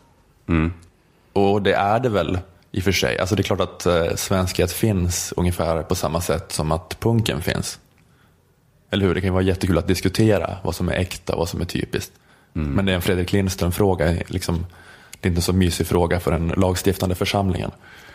Eh, Men det jag inte fattar är att eh, så många motdebattörer, att det är så många som inte har klarat av att eh, säga det här. Jag vet inte om det, att, att de i Sverige är svenskar på så vis att de är svenska medborgare och i övrigt tänker jag inte lägga mig i hur de väljer att definiera sig. Eh, Att det blir sådana så här absurda diskussioner. De man säger emot Björn Söder genom att säga samer är visst svenskar, kurder är visst svenskar, Zlatan är visst svensk. Då att man så accepterar premissen för debatten. Mm, jag hörde en same på radion som sa att eh, vi var här först, så det är mer vårt land än Björn Söders. Och då tycker jag man har accepterat premissen ett varv för mycket nästan. Eller? Ja, precis. Man, man, man accepterar premissen av att politiken måste fastställa en definition av svenskhet bortom medborgarskapet och man har en ännu strängare definition än Björn Söder. Det är så han jobbar. Ja, men för att det annars är det som att de som accepterar den här premissen då, som säger att kurder är visst svenskar, de, säger, de accepterar då premissen för debatten men att definitionen bara ska vara lite vidare än Björn Söders. Men då att problemet är inte att du recenserar hur svenska eller osvenska människor är. Problemet är att du har fel slags recension. Recensera bättre. Du vill ha en annan recension. Just det. Fyra getingar till kurderna. Ja, men det är så typiskt eh, Sverige. Om jag ska recensera svenskhet. Att vara så, här, så dålig på sådana här liberala självklarheter. Eh, Men det är också ganska typiskt att man blir bara irriterad på då slarviga journalister och slarviga motdebattörer. För att det är nästan så en för låg ribba att eh, hoppa över att börja raljera över Björn Söder. Ja. Alltså man orkar inte att det ska vara på den nivån. Att man så ska göra satir mot blod och jordsnationalism. Att där ska vi placera stridslinjen. Att vi ska, vi ska börja om, utvecklingen av progressivt tänkande ska liksom börja om vid Voltaire. Eh, skitsamma, det här är inte så viktigt. Eh, frågan är då om Björn Söder kommer att sparkas. Troligen inte, eftersom han bara upprepade principprogrammet. vikarierande partiledaren Mattias Karlssons krishantering när han skulle kommentera Björn Söders skandaluttalanden var, eh, ja, Ja. re- retweet. Ja, men är inte grejen liksom så här med... Alltså Björn Söder är ju egentligen... Ett av många fel med honom som vice vice talman är ju att han är för ung. Det är ju en post där man liksom är färdig som liksom aktiv politiker. När man liksom har tröttnat på att ta den här typen av fighter så blir det liksom automatiskt ett lite mer apolitiskt ämbete. Men han är ju liksom i, han står ju på kulmen av sin politiska karriär. Vad, vad fan ska han göra som talman? Ja. Där, alltså han borde ju avgå av det, han borde ju aldrig ha tillträtt av det själv. Han skulle bara sagt så här, med den här landshövdingsposten ger mig, jag är för ung. Det är som att han skulle vara med i Stjärnan på slottet nu. Ja, men han är väl eh, ganska gammal för att vara sverigedemokrat. De- De är ju så jäkla unga allihopa. Han är född 76. De är 12 i snitt. Och snittåldern är 12. Han är den Så som han är- ålderman. Han är gammelsmurfen i, i den byn. Alltså, det finns väl också jättegamla. Det är väl bara att det jätte, jätte, jättegamla och jätte, jätte, jätte unga. Fast det finns ett sånt glapp däremellan. Det finns väl också så här 90 plus. Just finns det det i, bland politikerna? Inte, Inte- i inte riksdagsgruppen? bland aktiva. De Men- svenskarna som stred för Hitler, sådana dyker ju upp ibland. Men ja, jag vet inte. Ja, men han har väl en gammal själ kanske. Han har en vice vice talmans själ. Ja. Men sen har han det här politiska djuret i sig som, som vill ut och hugga. Precis. Slita sig lös från kopplet och bara... Hugga av en samens ansikte. ja, Men det, är han lite, är... men det funderar lite på vad han skulle kunna göra om han ändå skulle avpoliteras. Men då skulle han kanske kunna vara husdjur åt en mc-kille.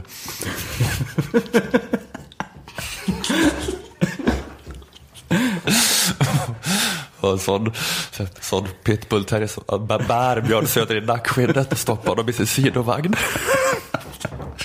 Han har en matchande lite sån läderhjälm med fladdrande flärpar. Så Så du, hans enda- enda möjliga alternativa karriär. Är det Wallace and Gromits mc-gäng det här? det är så jag ser. Jag ser han lite som att han är gjord i lera av de här skickliga animatörerna. Ja, men jag tänkte han skulle också kunna spela så här lynnig bad guy i brittisk socialrealism. Alltså, typ så här, han skulle vara jättebra på att vara den farliga i This is England. Björn Söder har så himla mycket så här, Sveriges sämsta ölsinne-utstrålning. Att han, har, han har aldrig haft en festkväll som inte har slutat med att han har skallat någon. Det är, det är inte något jobbigt, så här, vad mycket glas det blev att diska upp dagen efter.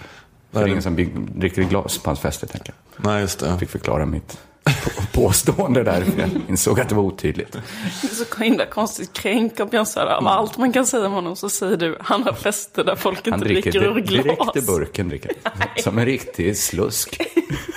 Men han har sådär ryckiga, ryckiga rörelser och pratar högt plötsligt när han är full. Så när han kommer in i rummet så, bara, så blir det kallare på något sätt. Det blir noll grader Kelvin. Alltså han kommer fram och så nyper den i båda kinderna, drar, drar sitt ansikte närmare honom så här och stirrar på en. Och då är det så här 50-50 om man så här ska skalla en eller brista ut i ett stort skratt och krama en, så här, dunka en i ryggen. Plockar fram en jättestor åltårta som han gömt bakom ryggen. Och så är stämningen varm igen. Ja. Fan vad lättlurad du är sen. Man skrämmer dig så lätt. Varför rycker? Och sen bara tar han, sen bara tar han ålen och bara daskar i ansiktet på en. Sen bara, ja, nej men precis. Vad gör sen, du med sen, min ål? Nu är ålen sönder. Fan vad äckligt det luktar. Det här ska du betala för. Skojar bara. Nej, jag vet inte om han är så. Jag fick faktiskt känslan av att han var så här. Eh, det jag fick känslan av när han började stå där och mala Aktuellt-studion om så här. Ehm, vad är svenskhet? Då tänkte jag så, här på, så himla mycket på sådana killar eller sådana, och, och, det finns också tjejer. Men eh, alltså att människor har, kan vara så att de har för mycket ett favoritämne. Vet ni vad jag menar? Man sitter typ så här på en fest eller på en efterfest, så kanske någon är tyst. Ända tills den på något sätt kan komma in på liksom så det enda den egentligen vill prata om. Och det kanske är så här fildelning och sådär. Och då bara Nå- sitter den och pratar och pratar och pratar och pratar och pratar och pratar om det. Och den är inte på festen för att, absolut inte för att till exempel ragga, absolut inte för att dansa. Man är på en efterfest och den bara går från person till person och mal om sitt jävla ämne, vad det nu är. Det är, det är oftast fildelning eller Ja marijuana-legalisering. men det, precis. Eller något liksom. Så går den bara och ska mumla liksom om, eller här, gå och debattera. Folk, människa efter människa liksom somnar, droppar av, går därifrån och så bara går den vidare och vidare klockan fem på kvällen, står under fläkten och pratar med någon sån 17, 16, 17-årig tjej som har råkat gå fel. Så här. Och så tänker jag att Björn Söder har varit sedan han var jätteung med just frågan så här, vem är en svensk? Ja. Eh, att han har varit så i Lund, han liksom ändlösa timmar. För jag tyckte att han hade alldeles för mycket, han hade alldeles för mycket info, han hade tänkt på det för mycket. Man märkte direkt när han ställde sig i Aktuellt, så tänkte jag så här, bara att ta, bara att, som när använde någon människa någon gång, liksom på ett naturligt sätt, ordet same, så här, i en mening. Alltså det är inte någonting. Det är väl inte så konstigt. Ja, men det är inte någonting folk pratar om i 100% vanligt samtal. Eller ljudet för den. Alltså så här, när kommer det upp? Nej. har du någon gång tänkt ett extra varv på om en same är svensk? Så jag tänkte så här, har du, att han hade Ja, ja, tänkt ja, på det? ja, så. Jag han menar, hade typ mm. suttit och tänkt för mycket på sådana saker. Och bara det, alltså jag tänker så här, bara en människa som liksom eh, har haft en total eh, fixering ända sedan någon sån BSS-tid. Ja. Eh, Ja, precis. men... jag, jag ser ändå Mattias Karlsson lite mer som den där nörden. Björn Söder är mer sån här, eh, krigare på något sätt. Jag tror han är både hjärna och muskler. Ja. men kan mest hund.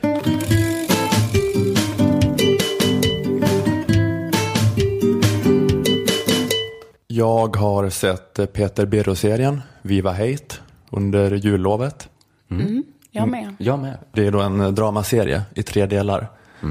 Kan vi berätta för de som inte har sett den. Som eh, eh, enligt programförklaringen ska skildra hur det var att ha ett band och befinna sig i indiekulturen i Göteborg under början av 90-talet. Mm. För att ge en känsla så kan jag spela några slumpmässigt utvalda repliker. Ja, vad härligt. Då kan vi minnas. Som huvudkaraktären Daniel säger. På riktigt helt slumpmässigt utvalda. Det var så här oavbrutet i tre timmar. Man bildar inte ett rockband om man inte är beredd att dö för det man tror på. Man står inte på en bro mitt i natten och tänker hoppa om att ha jävligt mycket att prata om. Man ramlar inte ur sängen när man drömmer om en flicka om det inte är att man ska vara med henne. Man räddar inte livet på någon som du gjorde nu om man inte känner någonting för den personen. Man står inte på en gata med en pojke och pratar om det kul om man inte tänker träffa honom igen. Eh, man spelar inte upp de här klippen om man inte har något taskigt att säga om Peter Birro.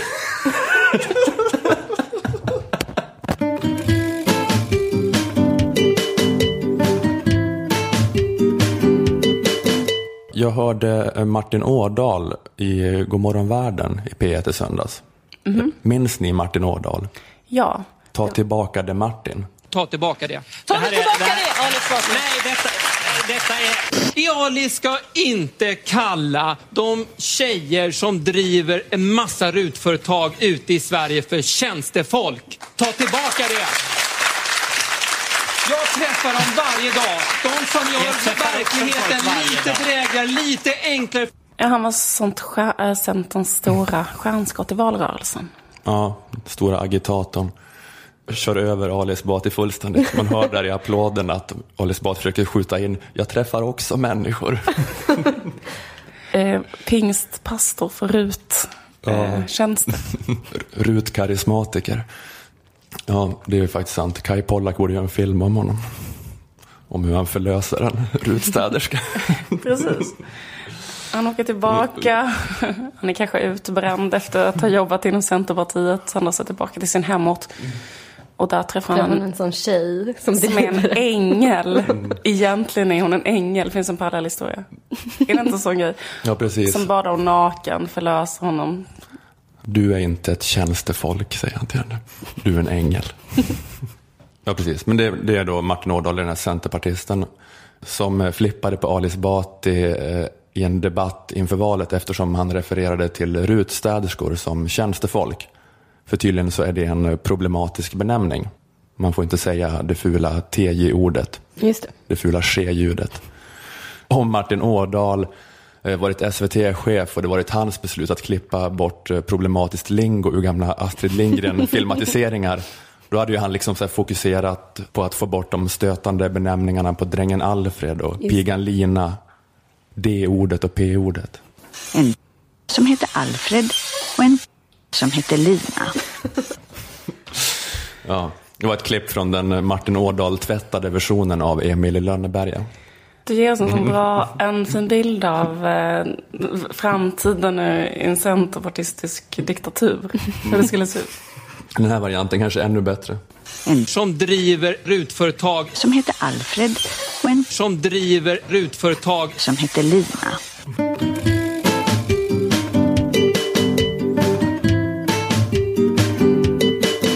Men som sagt, eh, Herren talade till Ulf Ekman och sa att han skulle konvertera. Eh, och i sin avskedspredikan i Livets Ord-kyrkan i Uppsala då berättade han om eh, vilken stark eh, oemotståndlig längtan han kände att få förena sig med den här nya kyrkan. Han så här beskrev hur den här längtan kändes. I den här processen så uppstod en djup längtan. Att, att också kunna förena sig med det. Det är lite som att se semlor i konditorifönstret men stå kvar utanför och titta in genom glasrutan men inte kunna slicka i sig den där grädden. Åh gud alltså. Hur har han kunnat vara en så framgångsrik sektledare? Det där sög ju. Det var ju då, dåligt tycker jag. Ja, men han slänger ihop 70 minuter varje vecka. Alla, alla metaforer kan inte vara toppklass. Långa predikningar. Ja, jag vet inte. Men han, vill- han ville slicka i sig grädden. Men så svårt är det inte att inte äta en semla tycker jag. tycker, Nej, det är inte som att liksom... Nej, jag vet inte. Ja, Det beror på hur mycket man älskar semlor. Men ja, slicka i sig grädden. Han ville slicka i sig grädden. Och jag undrar om det var så att när Gud talade till Ulf så talade Gud lite otydligt. Gud talade lite slarvigt, han sluddrade lite. Så istället för du ska bli katolik så hörde Ulf det som du ska bli kattlik. Du ska slicka i dig grädde som en katt. Du måste lämna livets ord och bli kattlik. Och det Ulf Ekman hörde. Så det är det som kommer hända nu, att Ulf, Ulf kommer börja stryka sig mot folks ben. Och jama. Så. Tvätta sig med sin tunga. Han kommer så här plastikoperera sig så att han får så extremt markerade kindben och, och morrhår. ja. Jag vet inte. Det är det som är din... Det var det jag hade på det här, nästan en ordvits. Ah. Katolik, kattlik. Men, ja, nej. Och det hade att komma med. Tack. Mm. Det var ganska kul. Ja, jag tycker.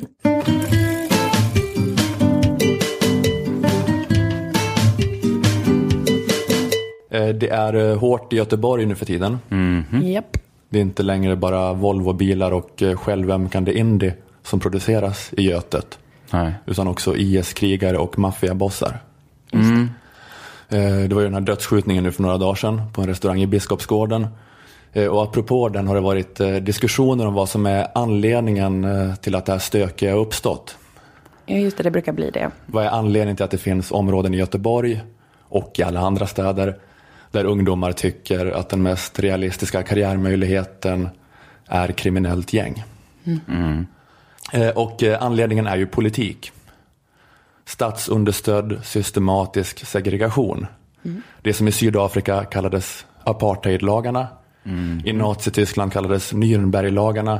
Det finns som, som ni kanske känner till också i Sverige idag, men vi kallar det det fria skolvalet. Okej. Du, du, har, du har härligt det dit och det känns eh, spännande. Jag, Jag uppskattar hur det här startade. Ni vet hur det är, eller ni vet hur det var. Kanske inte när Moa var liten, men när jag och Kringla var små. Då gick barnen eh, betydligt oftare i alla fall i blandade skolor. Det fanns några plugghästar och några limsniffare i varje klass. Eller som det brukar heta, elever med olika typer av socioekonomisk bakgrund. Ja, jag känner, jag, det låter bekant att det kan ha funnits en sån tid. Ja, jo men det gjorde det. Elever som kommer från hem med olika inkomst och utbildningsnivå. Men sen införde man den här statsunderstödda systematiska segregationen. Man bestämde att nu ska alla plugghästar gå på en skola och alla limsniffare på en annan skola någon annanstans.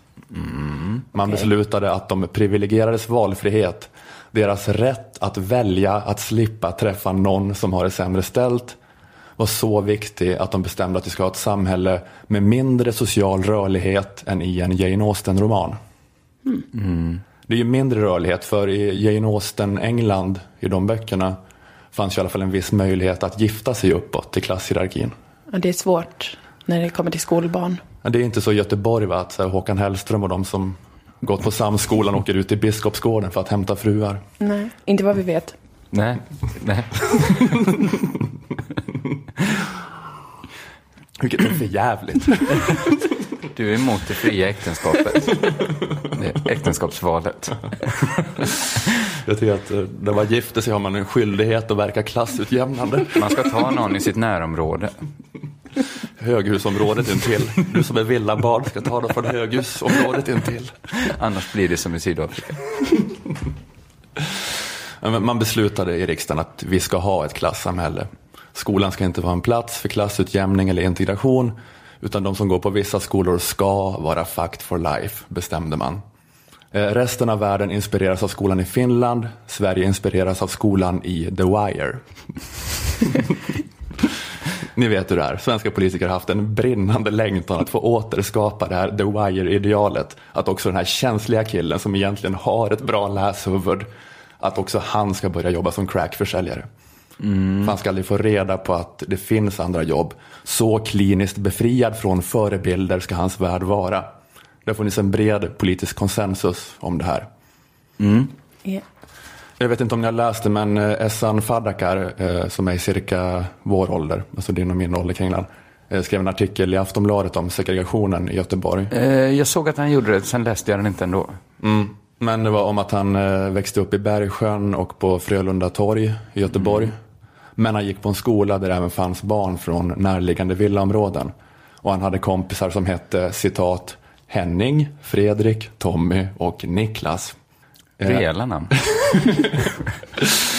Eh, Men nu är situationen som eh, fotbollstränaren Gregory sa i Studio 1 eh, för ett par dagar sedan. Det finns flera skolor där uppe som inte har en enda svensk barn. De får inte träffa andra personer, de får ingen nätverk. De bara stannar sinsemellan och eh, tittar på äldre ungdomar som gör dumheter och har dem som modell. Det var fotbollstränaren Gregory.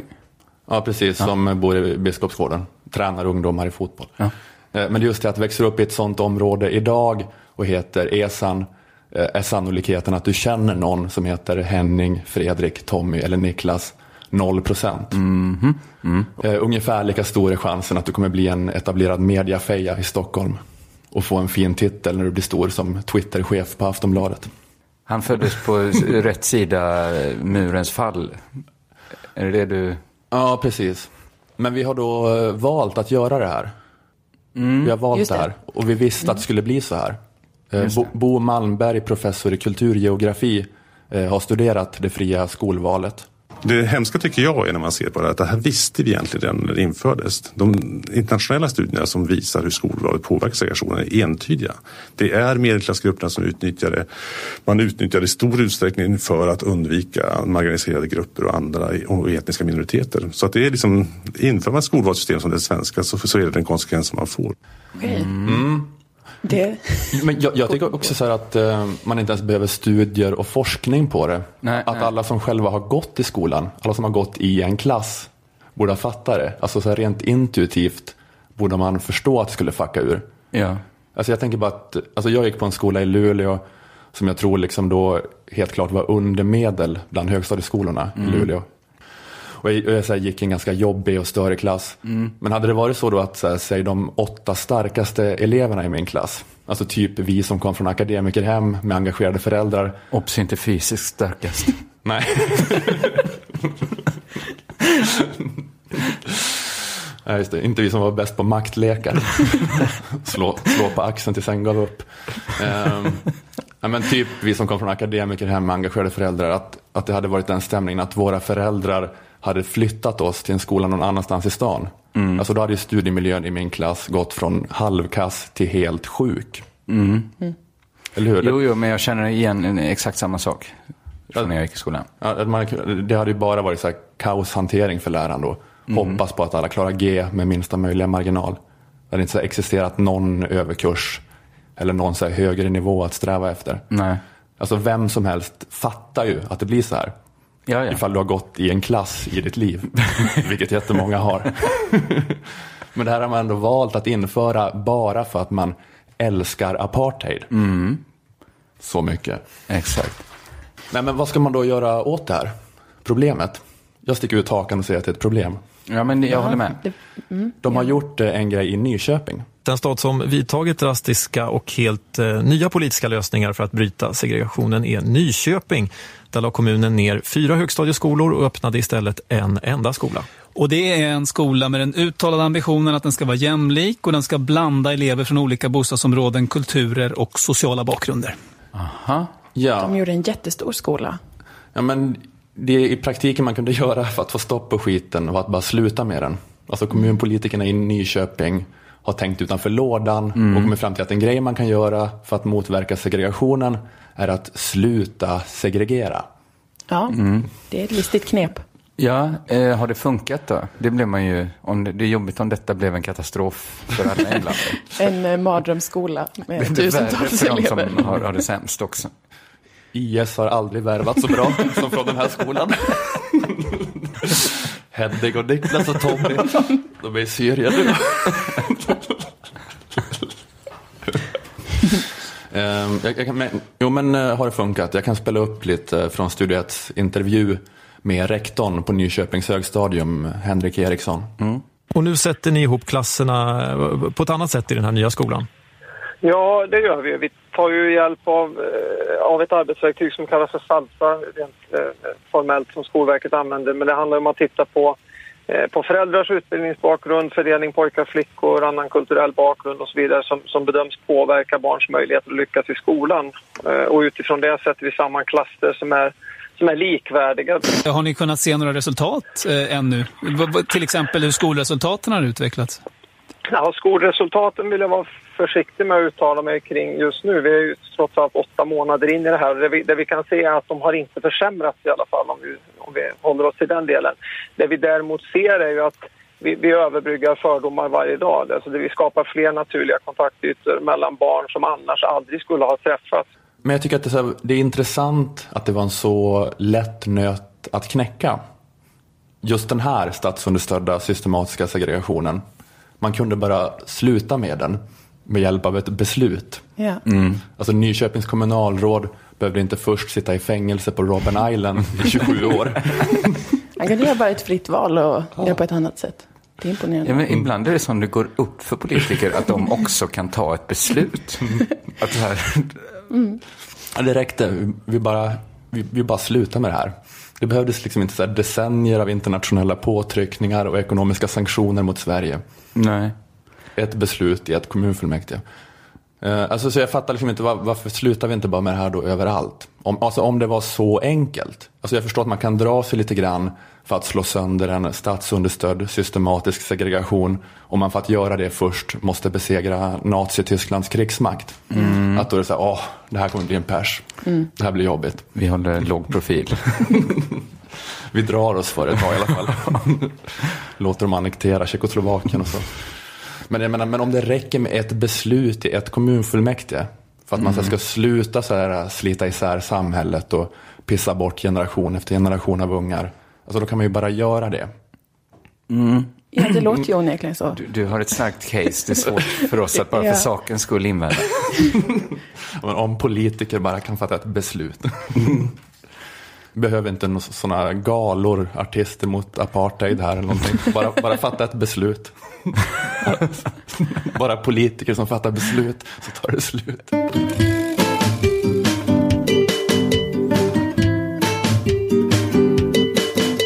Du tangerar faktiskt lite kringlan eh, det jag också hade tänkt prata om. Mhm. Med eh, det här med magkänslan och eh, det här upplysnings, det intellektuella förhållningssättet. Ja. Hur, man, hur de förhåller sig till varandra. Eh, För jag var så eh, Filip och Fredriks eh, biodokumentär, Trevligt folk. Just det. Om en entreprenörsgubbe i Borlänge som drar igång ett integrationsprojekt. Att Borlänges somalier ska spela bandy. Och det slutar med att de representerar Somalia i VM. Mm. Den, den har mestadels varit väldigt hyllad. Martin Schibbye såg den och skrev på Twitter citat Jag grät för första gången sedan fängelset. Oj. Slutcitat. Schibbye är ju så traumatiserad av att han blev fängslad av den etiopiska regimen. Men jag tycker ändå inte att det är okej att han ska hålla på och kollektivt skuldbelägga på det viset. Säga att han gråter bara av åsynen av människor från Afrikas horn. Det är ändå lite Det är- ofräscht. Det är magstarkt är det. Men bortsett då från Shibbys vidriga rasism Mm. har filmen blivit mestadels hyllad. Eller det har också funnits här några problematiseringar som kommit från eh, några olika här, smarta normkritiska personer. Vem hade kunnat ana? Ja. Jag trodde att de bara skulle släppa Filip och Fredrik den här gången. Men... Killarna gör det igen, säger Kakan Hermansson. Ja, men sådana här invändningar som jag har tänkt på att jag i normala fall eh, ganska ofta håller med om. Mm. Alltså typ det här eh, med att vi gillar invandrare på villkor att de är gulliga. Mm, ja, just det. Och att de är gulliga på våra villkor. Alltså att de så här svenifieras maximalt. Mm. Håller på med den svennigaste vintersporten. Ägnar sig åt svennigt flaggviftande. Mm. Det var lite sådana typer av problematiseringar. Och även om de som inte gjort filmen, även om de kanske inte är så enkelspåriga så, så kan jag fatta att liksom, filmen kan spela på de enkelspåriga strängarna. Mm. Eh, Att Svenne Banan ser den och känner att somalierna tittar, de, de stjäl inte alls cyklar. De bara älskar sina mammor. Mm. Och läser Astrid Lindgren. Nu är jag för invandring från Somalia. Men så fort de börjar stjäla cyklar, fuck off. Just det, men förr gillade man ju invandrare i Sverige för att de kom hit och liksom byggde upp l- landet och bakade pizzor och så här. Men nu kanske man gillar dem för att de är gulliga då? Ja. Eftersom det är svår, svårare att få ett jobb så får invandrare... Vi behöver liksom gullighetsinvandring. Ta på er ett par skridskor ut på isen. Ja, just det. Man, man kan egentligen säga att det var fel på samma sätt då. Att man så här, krävde någon slags jobblönsamhet utifrån dem. Men, Mm. men nu har man det svängt över mer till gullighetsutbyte. Precis. Ja, men det man kan, då kan vara rädd för att eh, den här typen av skildringar, att det kan så här, skapa en slags antirasism. Men att vissa är då lite rädda att det kanske är fel sorts antirasism. Att en sån då total, som du pratar om, så här, magkänsla antirasism. Mm. Istället för en så här cerebral och principiell antirasism. Som säger att vi är för att somaliesvenskarna ska få leva här utan diskriminering med medborgerliga rättigheter för allt annat hade varit absurt. Mm. Även om vi skulle se en film där de är störiga och obekväma. Tycker vi det. Även om de så skulle säga fuck Astrid Lindgren. Det var rätt att hon aldrig fick Stjäla Nobelpriset. cykel. Direkt efter att ha blivit rånad på sin mobiltelefon av 12 somalier så skriker man efter dem. Jag försvarar er rätt att stanna i det här landet. Då är man ju principiell. Ja, men då, det, det ska inte få, få påverka ens antirasism. Nej. Sådana grejer. Det ska det inte göra. Och jag brukar liksom oftast hålla med om den typen av argumentation. Att, eh, det, är ett problem, att det är ett problem ofta med antirasismen. Att, eh, så här, att tolerans för något ofta blandas ihop med att ha varma känslor för något. Mm. Ja, men för tolerans betyder ju inte att älska. Nej. Tolerans betyder lite fritt översatt till svenska eh, tolerans. Eh, Och man har så stört sig på många så antirasismkampanjer för att man har fått någon känsla av att de så här villkorar invandrares existens med att invandrare är härliga. Mm. Inga invandrare, kommer ni ihåg den? Nej. Det var en här kampanj som, jag vet inte, en så stor liksom nätkampanj som skulle påminna om allt bra invandrare gör i Sverige. Och hur det skulle bli utan invandrare. Just det, men jag kommer ihåg från 90-talet att det var väldigt mycket den typen av aktioner att eh, alla invandrare slutade jobba i en timme en dag. Ja, just så det. fick man se hur det kändes. Ja, precis. Men, um, ja, men att den fokuserar då på, på nyttan Mm. invandrare gör. Mm. Inga invandrare, då blir vi utan massa god mat. Vi blir utan eh, Snöjens vackra poesi på Twitter. Och så vidare. Massa sådana liksom nytt, nyttigheter som skulle försvinna. Mm. Det är en sån en kategorin då som, eh, som sådana smarta normkritiska människor kan tycka är fel. En sån Mm. kampanj. Eller att Aftonbladet startar kampanjen Vi gillar olika. Mm. Som ett svar då på SDs islamofobi. Om man så känner jag är för bekämpandet av islamofobi. Men det är ju inte heller så att jag direkt gillar islam. Nej. Att det är lite mycket begärt av en icke-religiös person. Man tolererar såklart att människor tror på islam, kristendom och spöken. Man kan liksom inte förväntas high-fivea med dem för det. Att fan vad jag gillar det här, att du tror på något jag inte tror på. Jag gillar det. Allt som är olika, det gillar jag. I love it.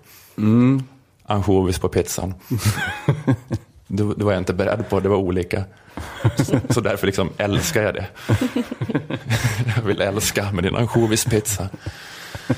För det var annorlunda. Nej, men vi som vill ha antirasism med hjärnan och inte med magen tycker ju kanske att kampanjen inte borde heta Vi gillar olika utan vi, ja, whatever, olika. Just det. Eh, olika är okej. Ja, jag bryr mig inte. Nej, jag bryr mig inte om olika. lika olika spelar ingen roll. Olika och lika är exakt lika för mig. Där har du en pin. Jag har på din Facebook-profilbild. Ja, men eller det här när vi var små. Rör inte min kompis. Mm. Mot kampanjen mot Lasermannen. Rör inte min kompis. Och då känner man så att han kanske inte är min kompis. Men Nej. rör honom inte ändå. jag tycker inte att en persons trygghet ska baseras på huruvida jag känner kompiskap med personen. Att invandrares rättssäkerhet ska inte vara utlämnade till mitt känsloliv. Nej, det är riktigt. Det ska inte vara så här, jag gillar honom, jag gillar henne. Stör mig lite på honom. Han äter banan på ett äckligt sätt. Skjut honom. Ja, det är mer om man är, liksom, man är på en öde ö tillsammans med Lasermannen och några invandrare. Och någon måste dö. Då kanske man kan ta, jag gillar inte han. Man kan inte, man kan inte bara döda Lasermannen i det scenariot. Han som har pickadollen. Det är det som är det jävliga. Och det finns bara bananer att äta. ja, men man kan kunna få den här känslan då ibland att vi i Sverige, att vår tolerans är helt och Tired of ads barging into your favorite news podcasts?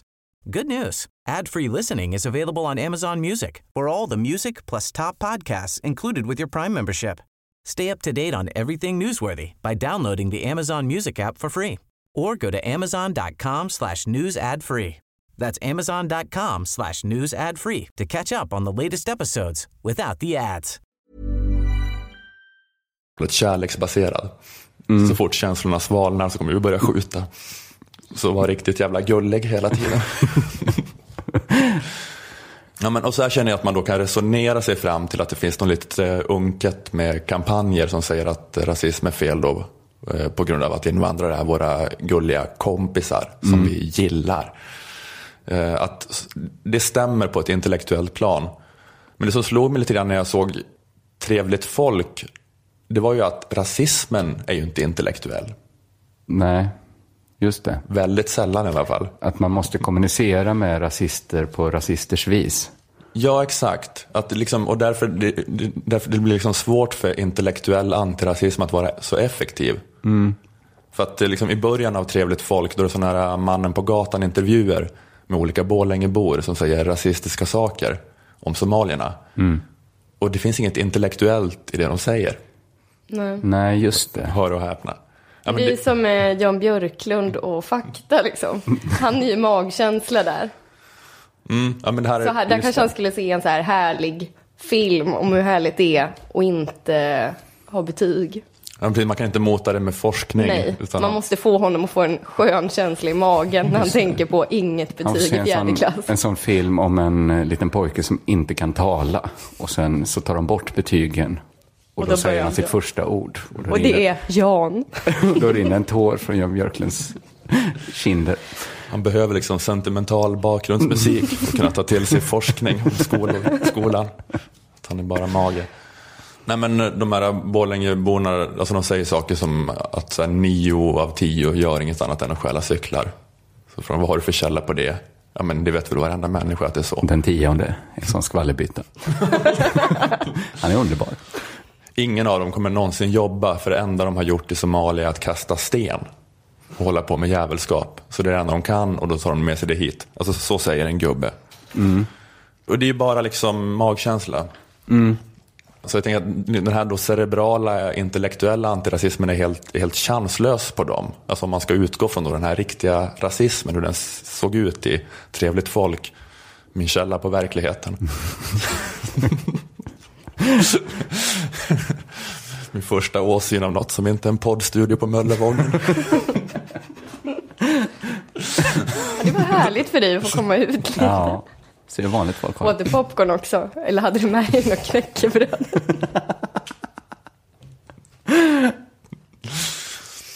Nej men, eh, ja, men det är just det att det är, ju- det är inte människor som har tänkt sig fram till sin eh, rasism. Utan det är människor som har känt sig fram till den. Och då kommer liksom inga kulturartiklar eller kulturpoddar kunna liksom bekämpa den här faktiska rasismen.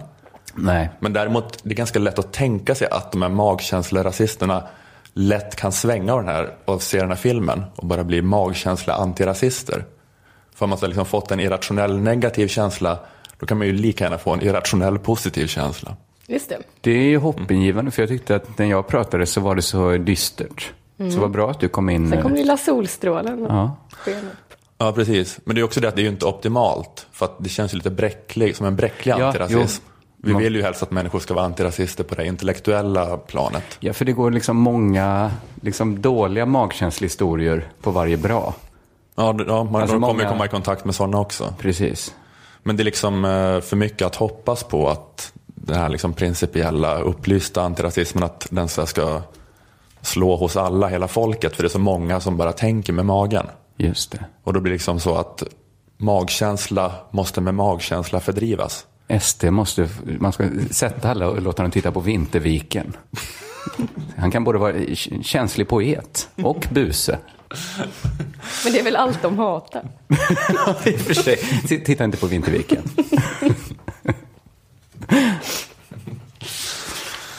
Ja, men det, jag bara insåg att det här var något problem just för att det är ju sämre att vara känslostyrd.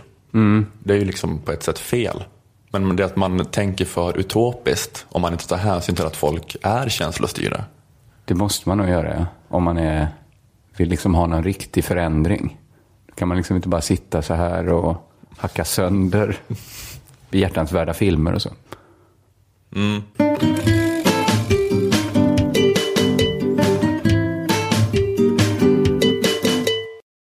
Vi kan lyssna på Gerd Wall, eh, SD-politiker i Vadstena. Eh, hon har skrivit om romer på Avpixlat under sitt alias Bilbo Bagger.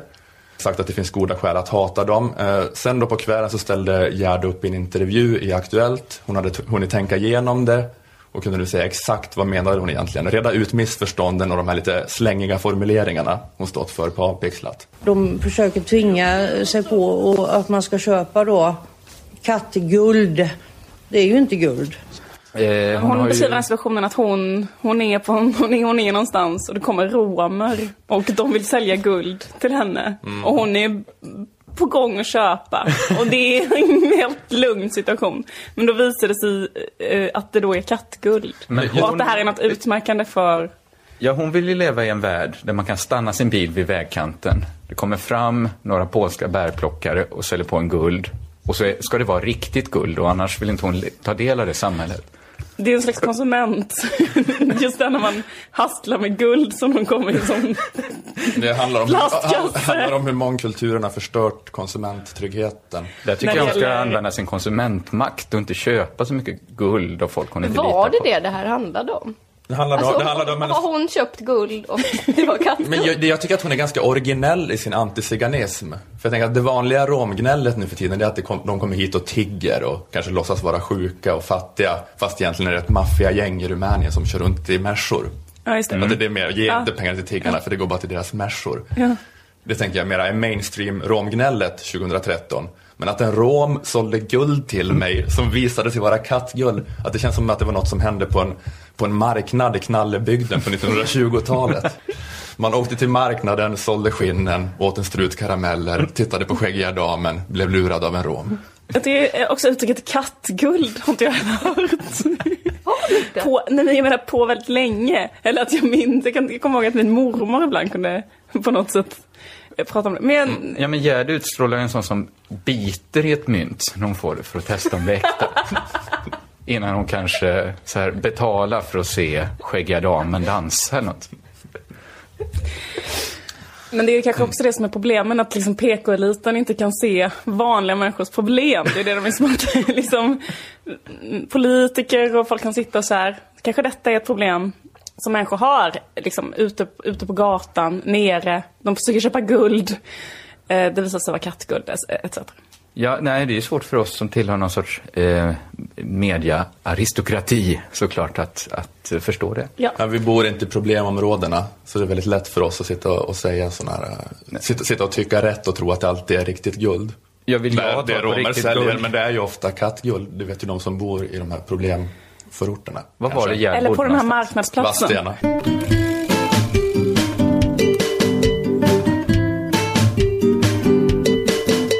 Ska det vara tillåtet för privata företag att eh, ta ut vinst ur skattefinansierad välfärd? Ja, säger vissa människor eh, och dessa människor kallas politiker. Eh, För det har ju varit en speciell fråga på så vis. Att politikerna är extremt opopulistiska när det gäller inställning till vinster i välfärden. Ja, det är fascinerande. Just det. Så här, all ängslighet och opinionskänslighet de kanske annars känner är helt bortblåst. För Mm. att det är en så jävla viktig princip. Spelar ingen roll att alla andra är emot. Nej, det är så viktigt så man kan inte rådfråga magen. Vad säger magen om det här? Att ta ut liksom, vinst på, på sjuka människor. Mag, många säger ju nej. Men det här, det här är så viktigt så man får fråga huvudet. Ja men också att man, vi är redo att gå, gå till botten med den här frågan. Det spelar ingen roll att alla andra hoppar av skeppet. Vi Då tänker de- stå kvar här och vara för vinst. Men det är liksom, ja precis, det är liksom, man har slutat vara hela den här grejen så här, vi ska lyssna in, vi lyssnar på Dabas, hela den grejen. Nu är det mycket mer så här, vi är Platons filosofiska kungar helt plötsligt. Ja just det. Det är så här intellektuell eh, styre. Mm. Men ja, för det är ju så att det är inte bara vänstermänniskor som är emot. Också en majoritet av de borgerli- borgerliga väljarna är Aha. emot det här. Alltså också 100% av de som röstar på Moderaterna tycker att människor som delar ut skattepengar avsedda för att anställa en skolkurator, att de delar ut de pengarna som vinst, att de människorna som gör det ska skickas till Gulag. Tycker 100% av alla moderatväljare. Jättehög, jättehög siffra. Enligt SIFO, typ. Eh, och så här har det varit. Men på senaste har det faktiskt, det här eh, då vinstmotståndet också börjat få lite fäste bland politikerna. Den här sista bastionen, politikerna. Det det har varit lite sådana vindar. Att Miljöpartiet beslutade att de var typ emot på sin kongress. Kanske ni hörde om. Eh, Folkpartiet har också pratat om, om att man ska förbjuda i alla fall riskkapitalister. Att ta ut eh, vinst, eller, eller att bedriva välfärd. Eh, Och framförallt har fackföreningsrörelsen, LO och Kommunal försökt driva på sossarna i en mera vinstfientlig riktning. LO beslutade på sin kongress i maj att de ska verka för non-profit. Ej vinstuttag ur skattefinansierad välfärd. Men det man kunde läsa i DN i måndags var att nu är LO för vinst igen. Ja. Aha. Mm. Det var kort, det var Det en kort men lycklig tid. Ja. När LO var emot. Ett halvår. Ett halvår av lycka. Ja, Jag ja. kanske beror märkte aldrig av det det. riktigt. Men det nej, fett kanske nej, livet pågick väl som vanligt ungefär.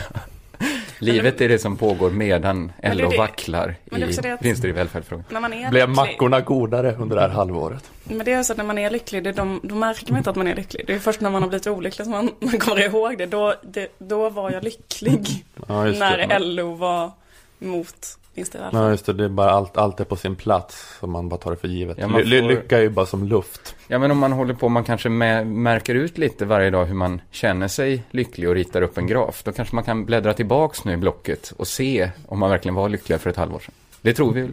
Det var man väl då? Ja. Eh, ja, jag precis. känner mig i alla fall liksom markant mycket mer olycklig när jag läste det här. Ja, men det var en intervju i DN, Tobias Baudin, vice ordförande för LO, säger att det är okej med någon slags vinst och att de vill hitta en förhandlingskompromiss med motparterna. Eh, Det står så här, LOs kursändring beror enligt Tobias Baudin på de samtal han och andra i LO-ledningen fört med olika aktörer i välfärdssektorn. Då fattar man ju vad som har hänt. Det är lobbyisterna som har kommit åt dem. Välfärdsföretagens lobbyister, de har bearbetat LO-ledningen. Och man, alltså, vi måste ju förstå att LO-ledningen, det är ju bara enkla landsortsgrabbar. Och en och annan landsortstjej kanske. Vanliga metallarbetare från någon håla som skickats till Stockholm för att representera. De går runt där i en kostym med dålig passform och känner sig obekväma och lite rädda.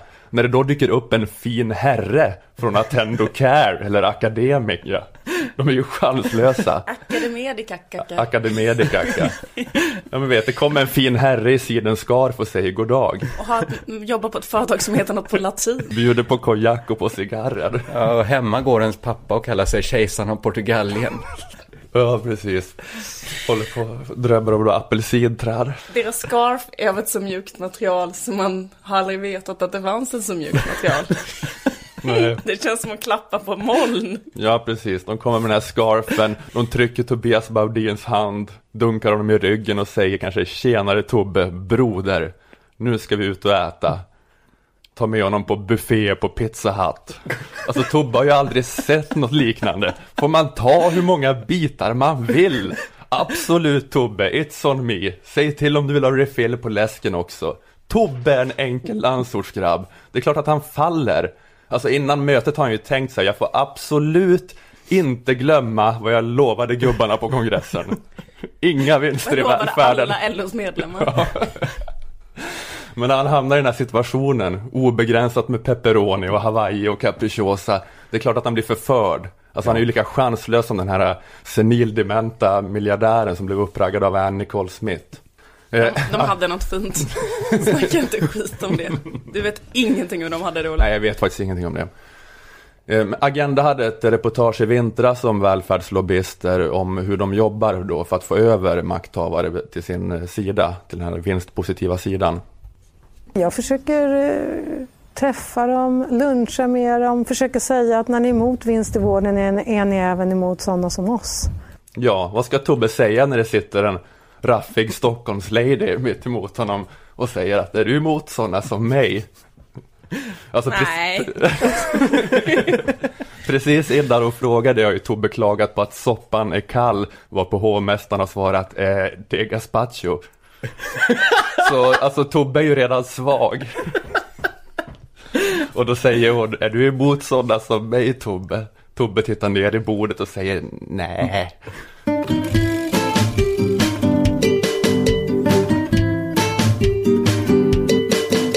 Den franske superhjälte, rockstjärneekonomen Thomas Piketty gästade Skavlan i fredags. Mm. Mm. Jag och Nanna såg inte det. Det var kul för oss Thomas Piketty-fans. Alla oss Piketybers. Eh, vi tog ju fullkomligen över Skavlan-studion. Gjorde ni det? Vi stod upp och brölade med hans namn skrivet på våra bara överkroppar. Vi skanderade R är större än G. R är större än G. R är större än G. Eh, R är större än G är ju den centrala slutsatsen i Pikettys bok. Kapitalet i det 21 århundradet. Eh, Han har då eh, undersökt förändringar i förmögenhets och inkomstfördelningen sedan 1700-talet i massa länder och kommit fram till att över tid blir det så att avkastningen på kapital, R, är högre än ekonomins tillväxttakt, G. Jag kan försöka sammanfatta då eh, hans eh, teori lite grann. Eh, de rikaste som har kapital, en förmögenhet, deras avkastning ökar snabbare med fler procentenheter än vad till exempel lönerna för de som jobbar gör. Så det blir då så att det blir mer lönsamt att förvalta gamla pengar eh, än vad det blir lönsamt att arbeta ihop nya. Och det här gör då att förmögenhetskoncentration och ojämlikhet ökar mer och mer. Eh, allt större del- andel av tillväxten tillfaller de rikaste. Det här händer då om man inte reglerar kapitalismen med olika typer av skatter. Så förmögenhetsskatt, arvsskatt och bolagsskatt. Men nu är det tvärtom. Kanske ni känner till. Eftersom att alla länder slåss om de superrika. Så de betalar mindre i skatt än vad vi andra gör. Mm. Så för att finansiera välfärden måste vi istället öka trycket på skattebetalarna som inte kan flytta. Alltså så här låg och medelinkomsttagare som inte kan dra till Luxemburg eller Caymanöarna. Det är alla sådana här grejer bara känner jag. Jag behöver inte veta de här siffrorna. Jag bara liksom så här känner på mig att det är så här. Mm. Ja, det är väldigt så bekvämt att, att säga de här sakerna här. Det är ingen, det är ingen som är så här, brinner, för gå, i- brinner för att gå i polemik. Ja, men precis, de som eh, inte bara kan dra med sina pengar när de känner sig för arga över sosseriet. Det är de som får betala för välfärden. Så för att undvika skatteflykt Roxette. till exempel. Eh, och eh, olika populära slalomåkare. Så. Men så för att undvika eh, skatteflykt föreslår därför Piketty någon slags överstatlig förmögenhetsskatt. Det är liksom det som är, han har kommit fram till efter att ha konstaterat att R är större än G. Att vi behöver något sånt. Eh, som ska vara liksom på EU-nivå. Tänk han skulle vara realistiskt till att börja med. För då blir det så svårare för de superrika att de inte, de kan inte fly från att bidra till välfärden lika lätt. Och dessutom skulle de få svårare att leva gott på avkastningen på intjänat kapital och istället bli mer sugna på att arbeta ihop nytt kapital. Så Piketty menar att det här vore bra för den totala tillväxten också. I alla fall, Piketty kom in i Skavlan-studion. Vi flippade ur allihopa. Jag förstår det. Katrin Kelos svimmade. Göran Greider kastade sina trosor på scenen. R är större än G, R är större än G. Sen körde han igång. Körde alla de bästa låtarna. The problem is when the top uh, wealth groups uh, are rising uh, three, four times faster than the size of the economy. You have uh, about 70% of total US economic growth between 1980 and 2015, which has gone to the very top income groups. When the very high uh, income and wealth groups sometimes are able to do uh, fiscal optimization so that they pay less than the middle class, you know, I think this is too little. And you know, when Warren Buffett, with the top US billionaires, with Bill Gates, says that he pays less tax than his secretary, Lugna ner dig nu. Det var bra, eller hur? Det var jättebra. Eh, Det var en ganska ordinär hitparad. Eh, Det som gjorde det här till ett verkligt minnesvärt gig för alla oss eh, Piketibers var att den norske superkapitalisten Björn Kjos var i studion. Han äger flygbolaget Norwegian och var där och pratade om den nyligen avslutade strejken. Jag är inte bekant med Björn Kjos sedan tidigare, men han verkar vara så här lite i Ingvar Kamprad-anda, att han är, att han är så folkkär bland vanliga norrmän. En sån Mm. kapitalist. Mm. För att han så lyckas lura i folk att han inte är American Psycho, utan att han är någon slags folklig och lite sossig superkapitalist. Bara skulle- runt med en ICA-kasse. Ja, precis. Eh, Hans grej verkar vara att hela tiden skrocka och vara jovialisk. Att han säger avväpnande på det viset. Varför har ni hyrt in strejkbrytare? Svara med ett skratt. Och svara luddigt. Eh, Så här sa han vid ett tillfälle i Skavlan efter att de påtalat att han tillhör the one percent. De som äger jorden. To tell the truth, I know us as a part of the world. and remember, our slogan is affordable fares for everyone. So, uh, so Har han gjort en sån rotfyllning eller? Jag vet inte. Jag har hört det här eh, 20 gånger. Jag vet fortfarande inte riktigt. Det låter to jättegulligt. tell the truth, I know us as a part of the world. and remember, our slogan is affordable fares for everyone. So, so uh, Okej, alltså jag, för jag förstår om folk gillar honom. Man blir ju, eh, Man, får man blir ju glad. Att det är serie, såna här spiraler runt hans huvud när han pratar och så här ett öga upp och ett öga ner och bara koko. Exakt, kom ut en sån gökur. Ja, men han kör på en sån jovialisk stil. Han Ja. försöker vara så norsk jovialisk så att vi ska glömma bort att han byggt sin framgång på dåliga anställningsvillkor och miljöförstöring. Och istället tänka att han byggt sin framgång på att vara Lasse Åbergs sidekick. Men inte ens den här då mediasmarta norska kapitalisten eh, kan behärska sig med Piketty i studion. Eller hur? Även oligarkernas tjuren Ferdinand måste springa mot det här illröda skynket som är Thomas Piketty. Och just det här eh, att han anses vara det illrödaste vänsterspöket. Jag tänker det säger ju en del eh, om nivån på fundamentalismen i den marknadsliberala kyrkans teokrati som vi lever i idag. För ingen eh, fransman har blivit så förföljd för kätteri sedan hugenotterna som Piketty. Alltså nivån på inkvisitionen, kapitalets överstepräster har utsatt honom för. Vad har de gjort? Har de eh, eldat upp, vill, velat elda upp honom? Ja, de har, de har skrikit kättare, försvinn i ett hav av eld upprepade gånger. Eh, har det varit sådana debattartiklar sponsrade av Svenskt Näringsliv. Mm. Ja, men, ja, men det säger något att ha en så stor slägga mot just Thomas Piketty. För gre- grejen med Piketty är att han är för marknadsekonomi. Han är för globalisering. Han är för tillväxt. Han är till och med för ojämlikhet. It's okay to have you know rich people middle people but uh, poor people but you need everybody to grow more or less at the same speed in the long run Det är bra med ojämlikhet, tycker han. Men de olika gruppernas inkomst måste växa i samma takt. Att Warren Buffetts sekreterares lön måste öka lika snabbt procentuellt sett som Warren Buffetts lön. Och Warren Buffett måste betala skatt. Eh, och inte hans sekreterare måste inte betala mer skatt än han. Nej, precis. Som det är Eh, nu. Eller liksom pengarna de har att röra sig ska öka procentuellt sett eh, lika snabbt. Eh, men det är helt okej att Warren Buffett har tusen gånger mer pengar. Och för att det här ska ske, att det ska kunna växa i samma takt, det som de som har lite har, det som de som har mycket har, måste vi tillbaka eh, till en nivå av beskattning på de rika som fanns liksom till och med i USA fram till 1980. För det är sedan 1980 och den nyliberala eran som den här liksom förmögenhetskoncentrationen och ojämlikheten har ökat och återigen börjat närma sig hur det var på Downton Abbey-tiden. Det, det är det Piketty säger. Han säger typ, jag är folkpartist på 70-talet. Men det räcker liksom för att så här, marknadsekonomins ayatollor som Björn Kjos då ska skrika dö kättare.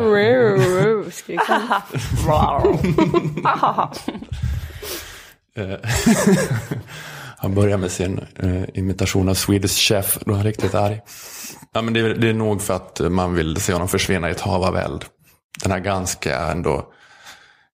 Det är inte det mest vänsterextremistiska jag kan fantisera fram. Det som Thomas Piketty säger.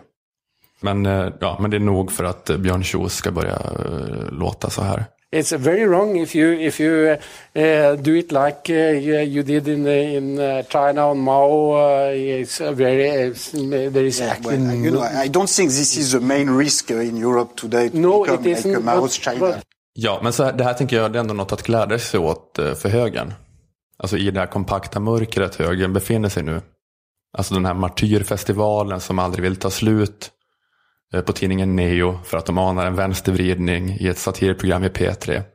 Att det här är ändå då en liten, liten strimma av hopp i det här liksom kalla, ogästvänliga universumet som högern är i. Att man åtminstone har lyckats förskjuta debatten om hur ekonomin ska organiseras 4000 ljusår åt höger sedan 1980. Att det borde vara lite av en, ja, det borde vara lite kul. Ja, precis. Jag försöker bara, eh, även om det är svårt med tanke på vad som har hänt i ett satirprogram i P3, så försöker jag ändå försöka se glaset lite, lite som halvfullt nu. Att ni har fullständigt så monopol på sanningen i den här diskursen vi är i. Det är väl ändå lite, lite skönt. Jag ser inte att det väger upp för vad några snart utlasade människor på P3 riffade loss om i en podd som de gjorde. Men, eh, men ändå. Eh, Men, men den stora behållningen med det här Piketty-gigget var eh, som eh, många känner till, det är många som redan har sett det här, men ni hade inte gjort det. Nej. Nej. Nej, men det var att Björn Kjos började gnälla om att han betalar för mycket skatt. I think I'm uh, even not even among the 20 highest paid in Norwegian. Uh, a lot of pilots are paid more, uh, earn more than I pay. That's the po- paycheck, right? Uh, that's a paycheck, uh, and uh, but if you start, Then you have the shares. Yeah, but uh, the, the shares, okay. But then again, I pay ten times as much tax as I earn. Correct? Is it? You, you pay 10 times as much tax as, As you earn, earn. so you pay a 90% tax rate? No, no. I paid uh, I paid one thousand percent tax rate. Va? Han betalar 1000 procent eh, skatt på sin lön. Eh, Han säger att han har ganska låg lön. Det är piloter i Norwegian som har högre lön än han har. Det här är ju då lönen han väljer att ta ut från sitt eget bolag. Att han kan ju frisera, få den här siffran att låta ännu mer dramatisk om han vill. Han kan betala ut en krona till sig själv. Han Mm. betalar en miljard i skatt.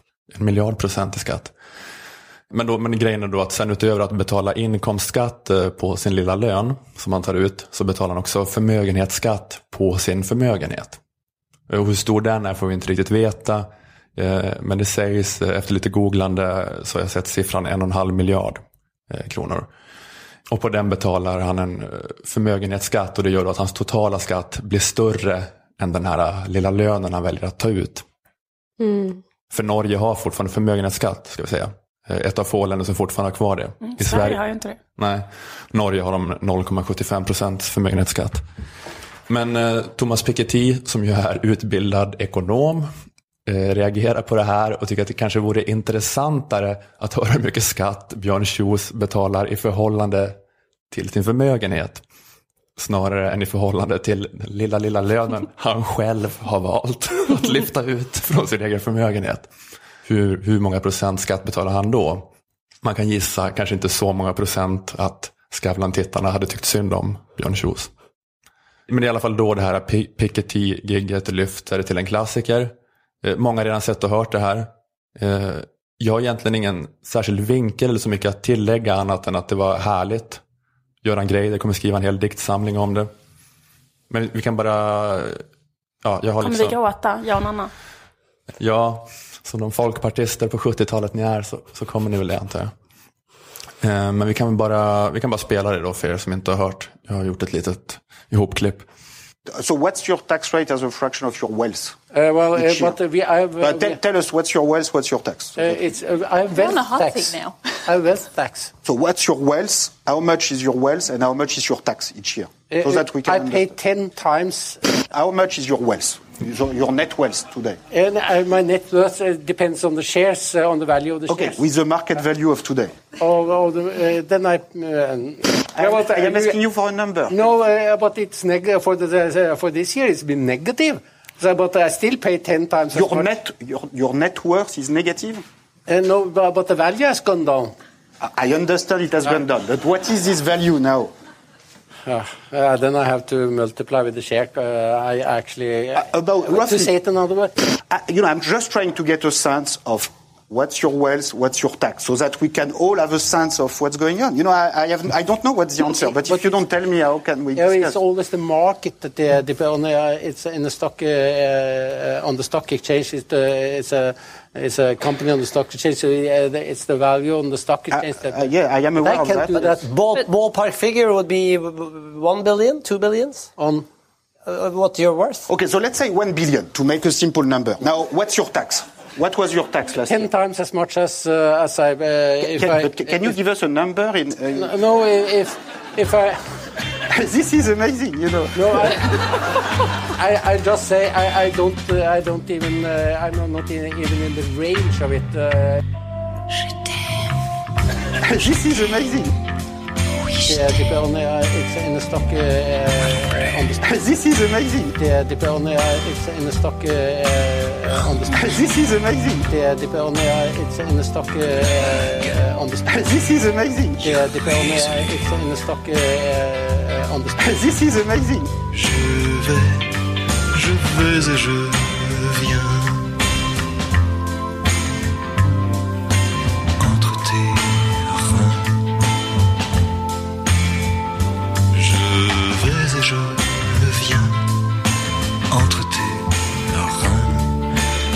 Je me retiens. Je t'aime, je t'aime.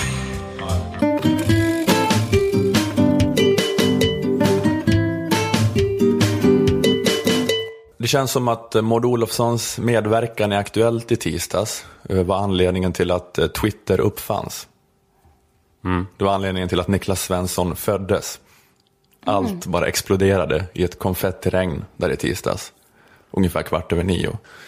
Eh, såg ni det eller? Jag, jag såg inte Twitter, men jag såg Aktuellt. Mm. Exploderade du inifrån? Nej, det kan jag inte säga. Det var så fruktansvärt långt. Om det är någon lyssnare som inte har sett det så kan jag väl beskriva vad, vad hände. Hon blev konfronterad. Mm, så här var det att, eh, att frågan alla ställde sig var lite så här, varför kom hon ens dit eh, till Aktuellt-studion? Måste vi dra liksom en ännu större bakgrund till? Hela Nuon, den kanske folk har koll på. Ja, men jag kan dra lite bakgrund eh, kort. Eh, Maud Olofsson har gömt sig för alla Nuon-frågor i ett och ett halvt år. Och det kanske är fegt att hon har gjort det, men det är lite förståeligt. För hon är så här i en rävsax. För statsministern har suttit i förhör i konstitutionsutskottet och sagt att han inte fick någon information om köpet av Nuon förrän det redan var klart. Nuon-affären då, statligt ägda Vattenfall köper ett holländskt energibolag för fem år sedan för 97 miljarder. Det visar sig vara ett superfiasko, värdet är nedskrivet med 38 miljarder. Och det är skattepengar det handlar om. Och ansvarig minister då var eh, näringsministern, på den tiden Maud Olofsson. Hon har sagt i en radiointervju för något år sedan att hon visst informerade statsministern. Men Reinfeldt säger att han inte fick info. Så ord står mot ord. Därför kan Maud inte riktigt prata, för antingen måste hon erkänna att hon ljög själv, eller stå på sig och anklaga då Fredrik, hennes alliansbroder, för att vara en smutsig lögnare, en som ljuger inför KU. Hugga honom i ryggen mitt i brinnande valrörelse. Delikat, tycker jag man kan säga att detta är. Också tycker jag att det är lite intressant att det är ju så, han ljuger ju Fredrik Reinfeldt. Det är lite intressant. Förmodligen gör han ju det. Men det är Alltså, han måste ju ha känt till den här affären. För att det är så här, de måste ju hänga hela dagarna. Alltså när de hade sin regering. Stämningen att Maud skulle så här, inte säga så här på kaffe, när de tog kaffe. Så här, Mm. Ja just det, eh, Vattenfall ska köpa Nuon för 97 miljarder. Du vet, det är den största affären staten någonsin har gjort. Det är dubbelt vad försvarsanslagen är på ett år. Fast Fredrik kanske bara är så här, när Maud öppnar munnen så hörs det för mig bara som en, eh, eh, ett bi som surrar. Mm. Kan det vara. Att han bara, åh, har så jävla ångest under kafferesten. Eller att de Moad ska stå och verkligen- tjattra om något skit. Dissonansbrus eller vad det är. Att när han hör, han hör, han kan inte höra frekvensen som är Mauds röst. Hans hjärna har tränat sig att bara höra det som någon slags. Ja, men eller så är de så liksom goda kamrater som de ville kommunicera ut i valrörelsen. Att liksom bada badtunna och kanske inte prata så mycket jobb när de ses. Utan det, liksom, då, då pratar man väl om väsentligheter. När de ses så går de rakt på liksom det allra innersta. Fredrik bara, alltså det här med Filippa, hon har inte svarat, jag har försökt kontakta henne. Maud Mm. bara, jag är rädd för mitt eget barn. Jag berättar fruktansvärt privata, jätteobehagliga. Ja, det är helt sjukt att börja prata om Vattenfall när man sitter Ja, men och liksom- gråter och håller om Men varandra. det är så när man träffar en riktigt nära vän, då skiter man i allt. Liksom. Man går direkt på det som är viktigt, som man känner att... Mm. Så skulle det Varför kunna ska vara. vi så hålla på och kallprata om så här, saker som... Ja, men Anders Borg då? Han sa också att han inte hade fått information i KU. Är det rimligt? Eh, jag vet inte. Ja, men så att säga, Peter Wolodarski, borgerlig åsiktsperson, Mm. Dagens Nyheters ledarskribent, sa de ljuger. Det är ju ganska rått ändå. Mm. Ja. Men ja, det gör de väl. Eh, ja, eller jag vet inte. Ja. Men, det, men det är också det är så osannolikt, eh, för att det är så här rule number one eh, av mediaträning är ljug aldrig.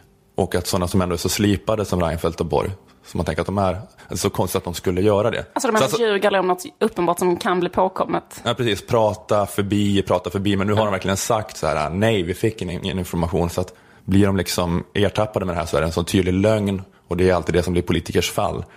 Eh, så att, alltså, ja, men det är, att båda alternativen känns väldigt osannolika. Att de skulle ljuga och att de inte skulle känna till det. Men det kanske är ännu mer osannolikt att de inte skulle känna till det. Ja. Men inget av alternativen är ju bra för dem. Så det är väl det som gör det lite delikat. Mm. Men det är den här rävsaxen för Maud. Maud kan alltså inte svara på den här frågan alla har velat ha svar på i ett år. Informerade du Fredrik Reinfeldt om Nuon-köpet? Eh, Men hon ställde ändå upp på en intervju för hon hoppades att aktuellt programledaren skulle gå emot folkviljan och inte ställa den här frågan. Det skedde inte, han ställde frågan igen och igen. Maud såg dum ut. Men eh, hon klev då ut ur sin eh, långa självvalda mediaskugga i tisdags. Men hon fick nog ingen mer smak. Nej, tror jag. Det tror inte jag heller. Så man kan tänka att hon går in i skuggan igen.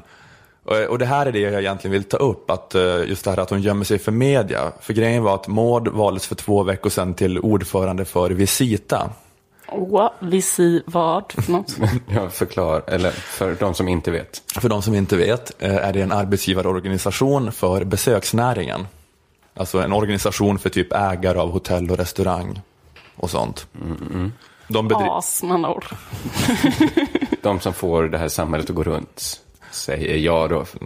De som suger ut arbetarklassen.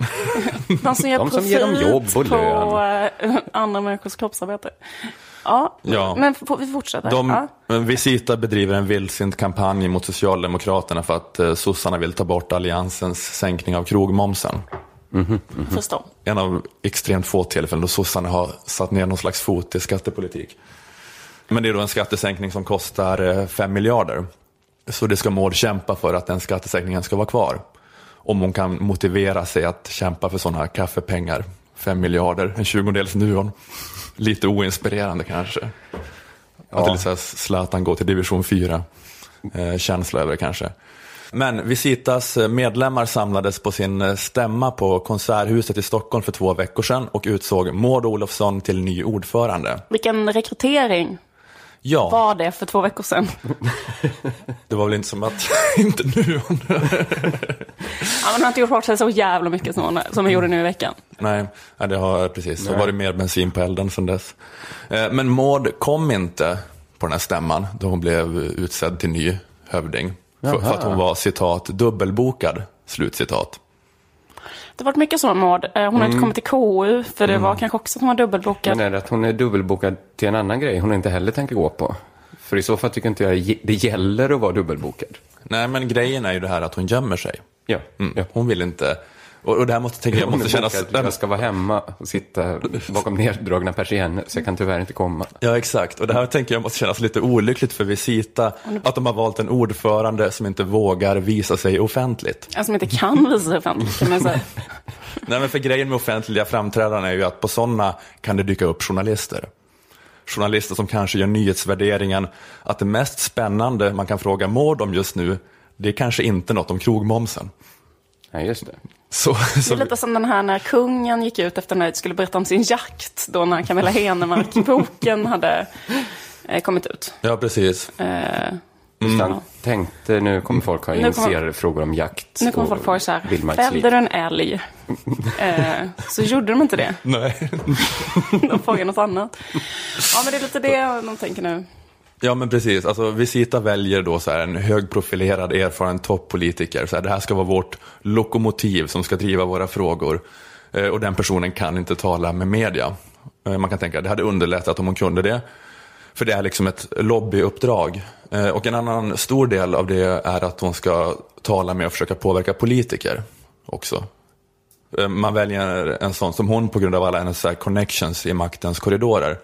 Men nu har hon ju liksom provocerat skiten ur antagligen en jättestor del, andel av riksdagen. Genom att göra det här då nästan unika övertrampet att eh, vägra dyka upp och förhör hos KU. Så hon kan varken tala med journalister eller politiker. Så hennes verktygslåda som lobbyist har blivit lite begränsad. Mm, mm, mm. Hon kanske kan skaffa ett här Twitterkonto eller någonting. Skriva sänk krogmomsen. De skulle lika gärna kunna liksom ha ett litet Mumintroll av plast eller något som sin nya... Som inte, ja, det väcker inte lika mycket ilska heller. Ett Nej. Mumintroll av plast. Nej. Kanske att det känns som en slapp rekrytering, men det gör ju Maud-rekryteringen också. Eller modig, får man säga. Ja, men det är det jag funderar på om det kanske kan vara lite spännande att ha en så här skygg ordförande som måste gömma sig. Att, att det kan vara någon slags uh, USP på marknadsföringen i det. Det är som att Visita Edward Snowden som ordförande. Eller så här en gerillaledare i Latinamerika. Just Att det är liksom det är så här subkommendante Marcos. Dalai Lama. Ja, men Dalai Lama, subkommendant Marcos, är- ja precis, han gömmer sig alltid i djungeln och det är så här jättesvårt att... Ja men det är att det, det, det ger någon så här, det äggar journalisterna, det ger publicitet också, att det är lika svårt att få en intervju med Maud som att få en intervju med, liksom i, i Mexikos djungel med subkommendanten Marcos. Alltså Stina Dabrowski måste åka runt och lirka i månader, så här, prata med olika bönder som blir livrädda bara av att någon säger Mauds namn högt. Bara, no, no, we don't want no trouble. Så springer ifrån We det. don't know who mod is. no, no. Sen citera en av hennes många kärleksdikter. Och Så till slut så här, får Stina en audiens, så här, de sätter en säck över Stinas huvud, här, kör henne till en hemlig plats. Maud i liksom, skidmask väntar i tält. Och då är så här, Stina Maud berätta, vad driver dig? Berätta, berätta om din kamp, din kamp för sänkt krogmoms. Ja, precis. Maud har berättat då, villkoret för intervjun är att hon ska få läsa, bara läsa upp en kommuniké om sänkt krogmoms utan kritiska frågor. Och en jättevacker kärleksdikt som hon har skrivit. Mm. Till, eh, det arbetande, till de arbetande arbetsgivarna.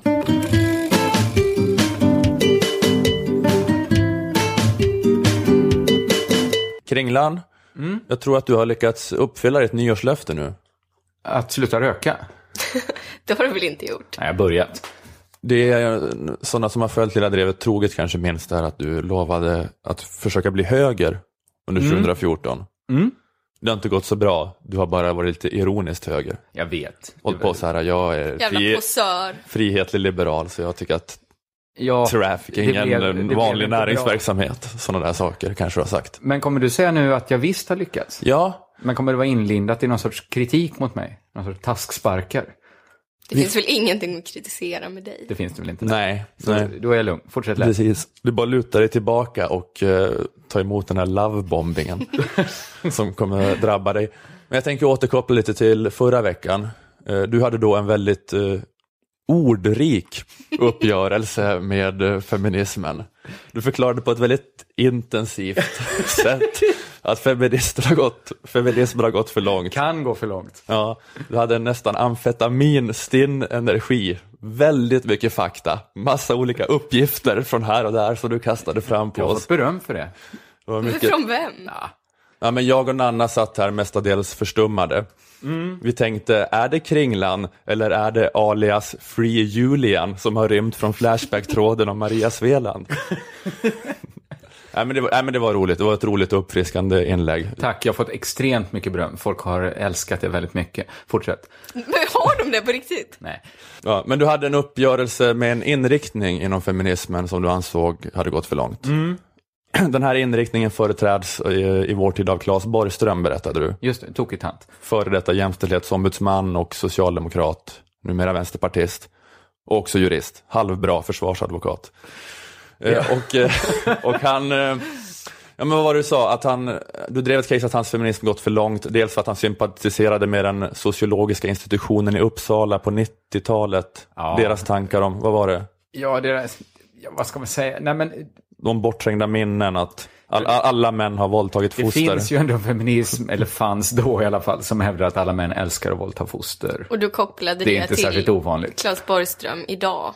Ja, men det, ja, men det där var då det eh, ena beviset för att han hade gått för långt. Och jag, jag, jag höll med då, jag tyckte att det lät konstigt. Mm, mm, mm. Sådär, det, det lät ju märkligt att tro, tro så, att alla män har bortträngda minnen av att de har våldtagit foster. Ja, det lät ja. lite koko. Men sen hade du en annan grej som Borgström hade sagt som jag inte tyckte kändes så sjuk, eller, eller inte så det är obegriplig i alla fall.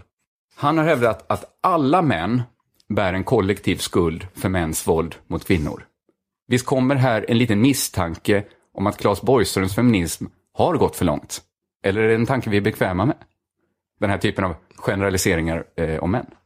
Det är väl nästan något som bara en galning skulle säga. Ja, alltså, är, det- är det det? Det är inte det, eller är det så här äh, maktstruktur? Typ. Typ. Ja, det här var från förra veckan. Ja, det var, ja, precis. Det var från förra veckan. Det var retoriken inte med mig riktigt. Nej. Men du menar att detta inte är rent vansinne i sin renaste Ja, men jag, sen tog jag ju sats igen och försökte säga emot. Ja, men inte kollektiv, eller skuld kanske är ett konstigt ord, men vi drar ju någon slags kollektiv nytta av att Under- män alltid har spöat kvinnor. Att det har Jag drar en ingen sån nytta. Gör du det, Ola? Jo, det... Men... Dåligt i så fall. Mest känd... Jag skrattade likadant.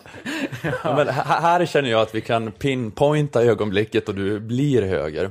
För, ja, men för att det där var ett väldigt höger sätt att platta till sin debattmotståndare på. Så här, vänsterkille försöker problematisera med något så här struktursnack. Ja. Och så då drar man bara till med något sånt där verklighetens folkskämt. Nej, men det, Det här ju, är ju bara sunt förnuft. det var ju, många har ju ringt mig och sagt att det var oerhört befriande att platta till någon som kommer dragas med så här supermossigt gammalt argument om strukturer, maktbalans, eh, bla bla bla, sociologi A, eh, genusvetenskap. Eh, jag, jag stickar mitt barns blöjor. Eh, jag har inga testiklar och så vidare. Ja, det, var, det var härligt när du bara, det här är bara sunt förnuft. Det är bara att du slutar dra nytta då av det. Att män historiskt ägt kvinnor. Jag gör inte det. Varför gör du det? Det verkar onödigt. Jag bygger inte min verksamhet på att för tusen år sedan såg samhället annorlunda ut. Jag är ledsen. Men du tror inte alls att det är någon slags eh, eh, eko idag? Absolut inte. Att kvinnor har varit förtryckta i flera tusen Fortsätt, Ola. år? Hade så här, hade det varit diskussion om miljön hade jag sagt så här, i klimatuppvärmningen. Och då hade Kringlan sagt, jaså, håller klimatet på att förstöras? Jag tittade ut genom fönstret precis. Tyckte det, tyckte det såg rätt bra ut.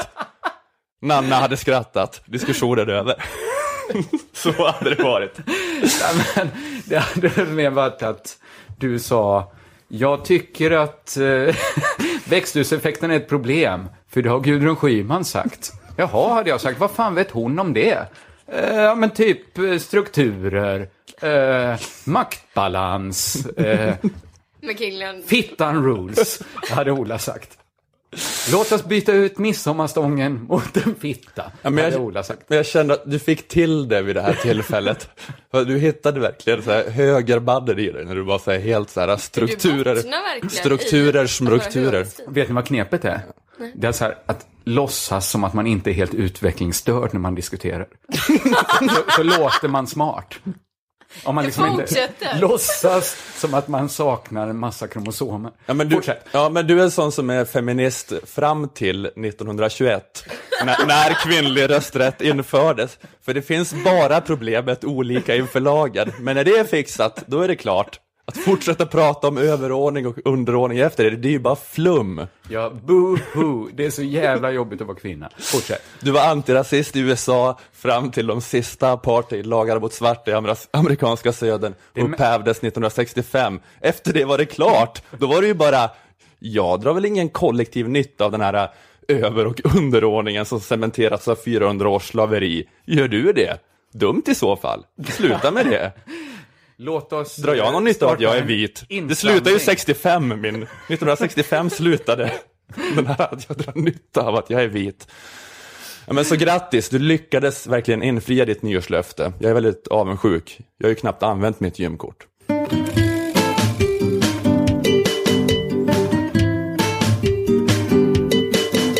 Jag vet inte om ni har sett det, men Norge håller på att eh, förbjuda tiggeri. Jag läste om detta. Det har tidigare varit förbjudet i ett antal norska kommuner.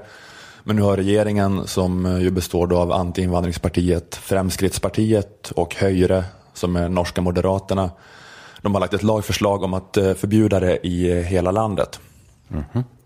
Och till alla svenskar som vill sätta sig på höga moraliserande hästar när det gäller det här vill jag bara säga, kolla valutakurserna. Om ni tror att det är samma sak att ge bort några svenska kronor till en tiggare som att ge bort några norska kronor. De Just är det. värda otroligt mycket. Det är en jävla fråga att säga, har du några kronor i Norge? Det är ett tuffare val för en norrman, eller hur? Man har några mynt löst i fickan. Ska jag ge de här till tiggan eller ska jag åka till Sverige och köpa 300 fryspizzor?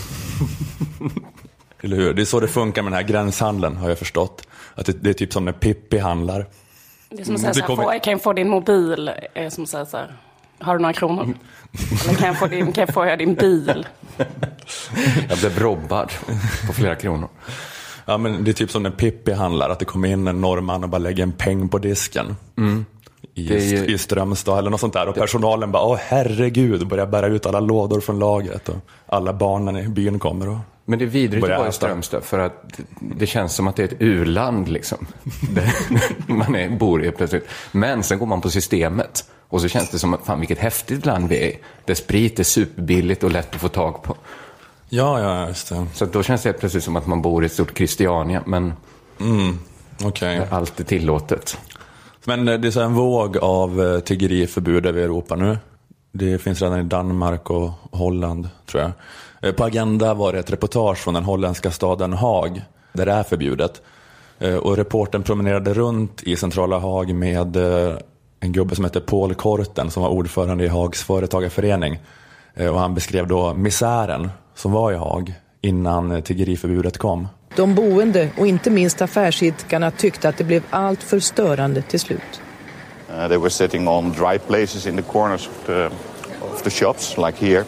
And on every corner here on this, this location they were sitting. Ja, han beskrev vad som försiggick. De De satt- satt på torra platser. torra platser. Och där satt de och här och lite här och där.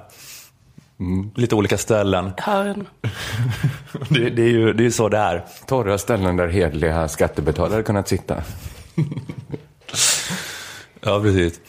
Det är på sätt och vis en gammal spaning kanske, men det är, det är nog något med just, jag tänkte på det igen, bara just den här självklarheten med hur det här beskrivs som ett problem, eh, inte för tiggarna utan för honom. Alltså om man ska leta tecken på att vi så lever i Roms sista dagar, tycker att det här med att så här vilja förbjuda tiggeri, det är ett av de bästa exemplen.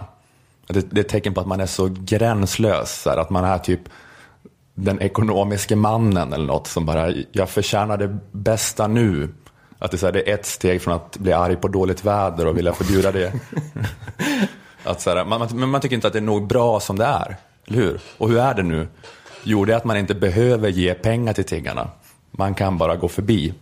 Men det är inte nog. Det här med att de fattiga aldrig stör mig, det räcker inte för mig. Jag har ett problem med de fattiga och det är att de aldrig stör mig. Jag tänker inte nöja mig med det. Att de bara så här aldrig stör mig. Eller hur? Är de syns? Ja, men vi har liksom den här ordningen då, att det anses så okej så här att jag har så mycket och de har så lite och ingen försöker förhindra den ordningen. Och jag känner mig jävligt orättvist behandlad. Allt jag begär är att jag vill ha ett samhälle som är ojämlikt till min fördel. Och, och jag vill att det inte ska synas att det är så. Det är liksom det enda jag begär och ingen jävel lyssnar på mina känslor. Det är som man så här gränslös i sina krav, i sitt ha-begär. Och Så här, äh, man är någon slags korsning av en galen romersk diktator och Mariah Carey. Det är, så här, det, är så här, det här är ett utav, en av grejerna man skriver upp på sin så här excentriska rider, vad man vill ha.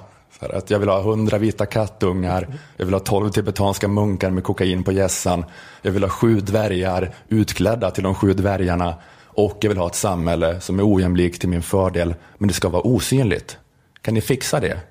Jag vill ha en akupunktör som inte får göra ögonkontakt med mig. Jag vill ha Nobelpriset. Jag vill ha ett kvinnligt livgarde klätt i 100% bomull. Jag vill ha ett samhälle som är ojämlikt till min fördel, men det ska vara osynligt. Fixa det, fixa allt det här till mig och jag vill att det ska vara inplastat. Ja, men, absolut. Man ställer krav på sitt samhälle.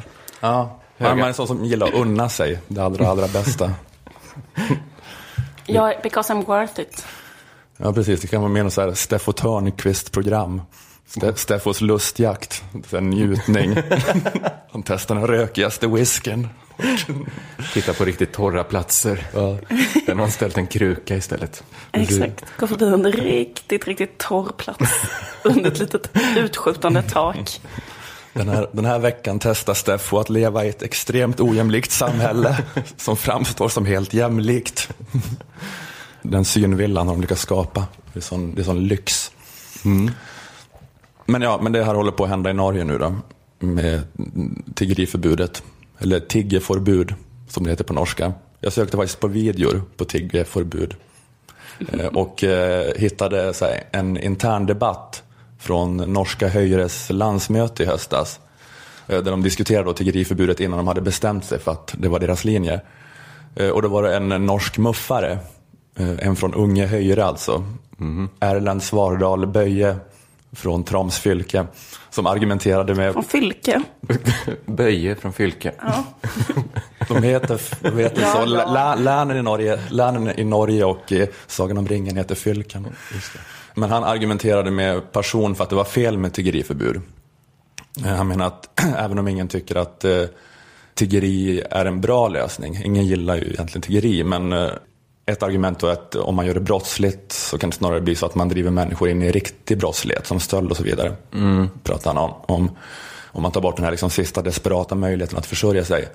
Men sen sa han också då att det så här var allmänt fel och dumt att förbjuda något bara för att man inte gillar att se det. Eller tycker att det är lite obehagligt. För det kan bli ett så här sluttande plan. Att det blir så mycket som man måste förbjuda då. Vi kan lyssna lite. Og hva er egentlig målet med tiggerforbud? Å fjerne noe som er ube ubehagelig, og fjerne noe du ikke liker å se på. Om det er det som er målet, så vil jeg be dette landsmøtet her vedta en resolusjon der vi nekter Jehovas vitne å komme på min private eiendom og forkynne meg om Bibelen, Moses og Gud og alt annet som står i Bibelen. Eller nekte eller nekte partysvensker på Gardermoen å skulle tilby meg et tilbud. Jeg vil si at De partysvenskene er mer plagsomme og aggressive enn vanlige tiggere på Karl Johan. Takk for meg. Förstod jag rätt? Han sa att svenska människor på Karl Johan är jobbigare än tiggare. Sa han det? Nej, alltså han sa, eh, han sa att man ska förbjuda partysvenskarna på Gardermoen. Som han ser. Sen så gick hon in och avbröt och hörde jag inte riktigt. Men sen så sa han, avslutade han med då, partysvenskarna är mer plågsamma och aggressiva än vanliga tiggare på Karl Johan. Jag håller med. Jag kanske inte vill komma ihåg hans namn. Jag tycker att han, eh, han, pra, han, pra, han pratar med väldigt eh, stor emfas. Ja. Jag fick en härlig känsla. Jag fick också det, att han kändes som en liksom skön liberal. Ja. Norges Bobby Kennedy. Eh, ja, men han vill inte att man ska förbjuda svenskar, utan hans case var att ska vi förbjuda tiggare så måste vi förbjuda Ja. alla jobbiga människor på stan. Det kan bli ett jävla jobb. Precis, förbjuder man tiggeri då så måste man också i rimlighetens namn förbjuda partysvenskar. Det är ju dåliga nyheter för oss, eller hur? Vi som, vi som är både så extremt mycket party och så, och så mycket svenskar. Att omöjliga att få uppehålla oss i Norge. Ja, men jag tycker det är fullt jämförbart med alltså, sådana människor som vill att man ska byta telefonabonnemang till exempel, alltså som står eh, centralt. Alltså, eller vill att man ska ja, men typ ha, byta ett elbolag eller bli månadsgivare i olika föreningar. Så. Det är ju rätt så likt. Och de är ofta mer på en än, än Verkligen. Mm. eh, tingarna. Ja, precis. Men eh, han försökte väl göra poängen då att eh, precis som alla andra tycker såklart han inte att det är bra att det finns partysvenska på våra gator. Men man löser ju inte så här problemet med partysvenskhet genom att förbjuda det. man just bara det. förflyttar problemet. Precis. Till Danmark. Man kan inte lagstifta bort Peter Sipen.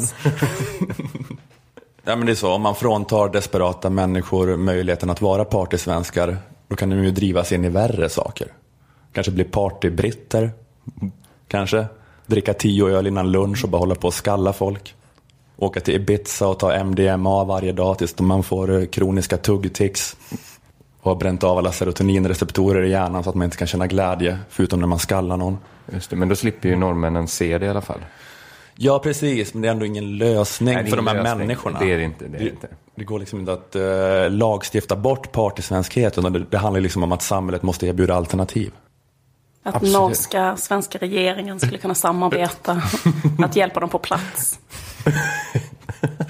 Jag tror, alltså, jag tror att det mest handlar om att skapa jobb. Det är nyckeln. Till partysvenskarna. Inte i Norge. Det är det som är problemet. Det är därför de har råd att dela på ett ciggpaket. Fem 19-åriga baristor som jobbat över för att kunna festa lite. Ja, Gå till det. sin etta. Det är ju faktiskt det. Det är faktiskt, kan man ju säga till Norge, att sluta betala svenska ungdomar 80 000 i månaden för att jobba på McDonalds. Om du inte vill att de ska De gör det mycket, mycket, mycket billigare. De är beredda att göra så himla mycket för att inte bo hemma hos mamma och pappa längre. Precis. Så sluta betala dem fyra miljoner i veckan för att rensa fisk. Och sen så blir arga för att de är fulla på stan med sina pengar. Vad tror ni?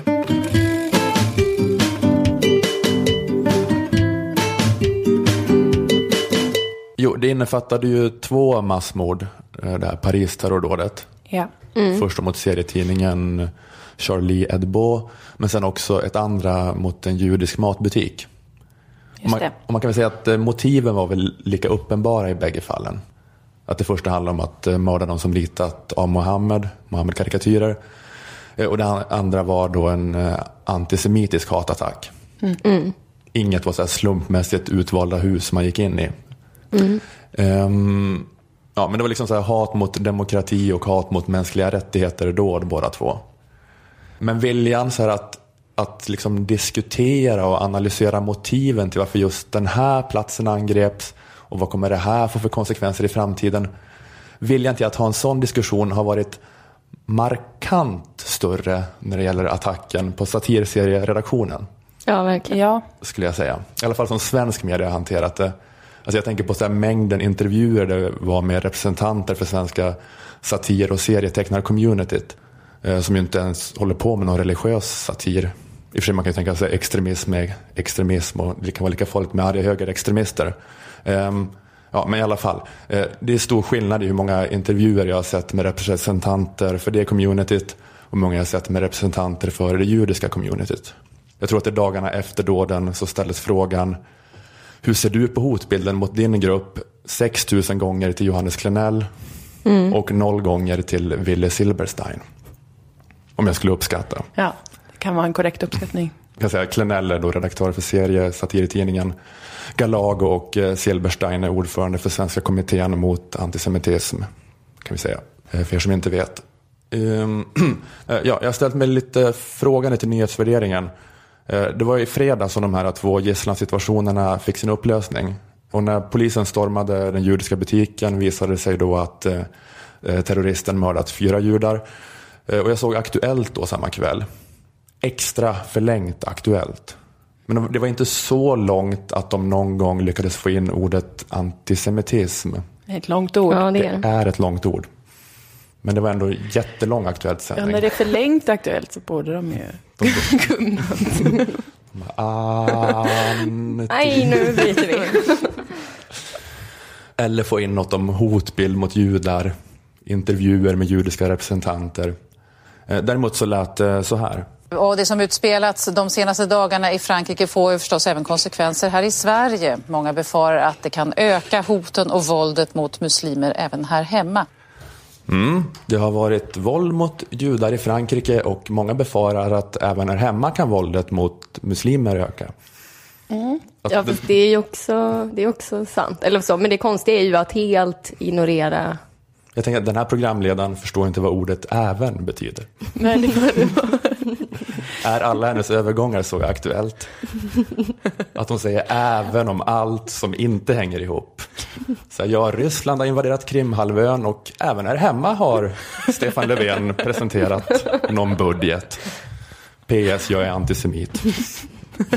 Är det så hela tiden när hon leder Aktuellt?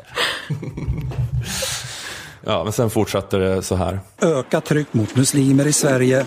Det finns en oerhörd osäkerhet i, i moskéerna. Då ska jag säga välkommen till Elvig Gigovic. Du är ordförande i Sveriges muslimska råd. Jag är ganska övertygad om att hoten mot församlingar och moskéerna kommer tillta.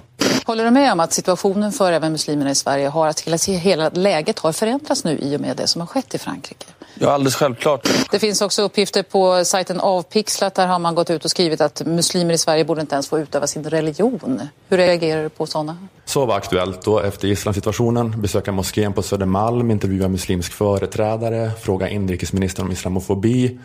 Eh, Och som du sa Nanna, alltså, verkligen, jag håller med om att det är relevant. Det finns massa islamofobi och jag tycker att det problemet ska uppmärksammas mycket i media.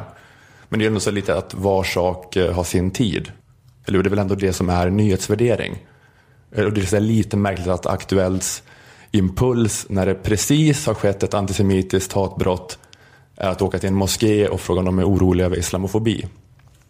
Alltså att just när det skett ett antisemitiskt hatbrott så bjuder man in en muslimsk företrädare som ska berätta om den växande islamofobin. Att just när det har skett ett antisemitiskt hatbrott väljer man att läsa upp någon islamofobisk nätkommentar. Alltså det har inte varit så svårt att hitta en antisemitisk, alltså varken på så här rasist eller, eller islamistforum. Om man nu tycker att, man ska, så här, att random idiots åsikt på nätet måste läsas upp. Och, och det hade verkligen så varit en sak om man diskuterade båda fenomenen. Ja, det känns ju som att det inte hade varit så svårt. Nej, det kan väl inte vara omöjligt att ta upp, ta upp båda dessa problem. Ja, precis. Men det är, liksom, det är är bara fokus på islamofobi. Ingen nämner något om antisemitism under hela extra långa Aktuellt. Trots att det är extra långt på grund av ett massmord på judar för att de är judar. Och det fortsatte så resten av veckan också. Alltså bara, bara fokus på islamofobin. Eh, Det här var rubriken på P1 Godmorgonvärlden i söndags. Vi ägnar hela vår första timme åt de fruktansvärda händelserna i Paris i veckan. Varför ägde de rum just i Frankrike? Vad blir de politiska konsekvenserna av attackerna? Och vad händer med den redan utbredda islamofobin i Europa? Vi kommer att drabbas på ett eller annat sätt. Alltså, va? det, det är tanken som jag får när det händer något eh, attack eller som eh, muslimer är inblandade i.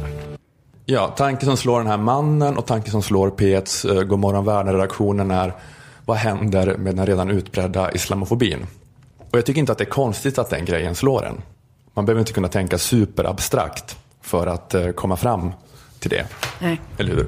Att det är risk att muslimer blir kollektivt skuldbelagda för de här dåden. Mm. Och att det blir hämndaktioner mot oskyldiga. Inte jätteabstrakt måste man tänka. Nej, det... Men det krävs ändå mer abstraherande för att ställa sig frågan vad händer med islamofobin efter en antisemitattack än att ställa sig frågan vad händer med antisemitismen efter en antisemitattack. Men den frågan klarar de inte av att ställa. Alltså så konkret kan ingen i Sverige tänka. Nej. Uppen, uppenbarligen nej. Alla kan tänka på den här mer abstrakta nivån men inte på den mer konkreta nivån. Alltså, som det var för judar i Europa 1933 så håller det på att bli för muslimer nu. De kan abstra- Samtidigt ligger fyra döda judar i en korsbutik och Ja, precis. De kan abstrahera på... här ligger... Jaha, ja. Vad ska vi göra med den infon? Ja, men just, det, som det var för judar i Europa 1933, så är det nu för judar. Det går inte att, det går inte att tänka så i en så rak linje. Det är så konstigt att så här, kunna det mer avancerade men inte det mer grundläggande. Mm. Att det är så här, liksom, jag kan lösa en andra grads ekvation men jag kan inte dra undan handen från eld. Och sånt brukar vara att man kan man det, det så kan man också det enklare. Men jag tänker att oförmågan att tänka så är ju extra konstig eftersom att det är lite så. Eller kanske överdrivet Europa på 30-talet men alltså det hade ju varit en sak om den här antisemitattacken bara skedde i ett vakuum. Att det var någon slags här superudda händelse. Men det är ju liksom ett, en del av ett mönster. Eh, Det var till exempel en annan sån här häromåret i Frankrike när en eh, islamist, eh, terrorist sköt ihjäl judiska skolbarn i Toulouse. Men framförallt handlar det om att så här, judar flyr Frankrike. Ja. Mm. Attackerna på judar har sjudubblats sedan 90-talet. 40 procent av alla hatbrott i Frankrike är riktade mot judar, trots att de är mindre än 1 procent av befolkningen.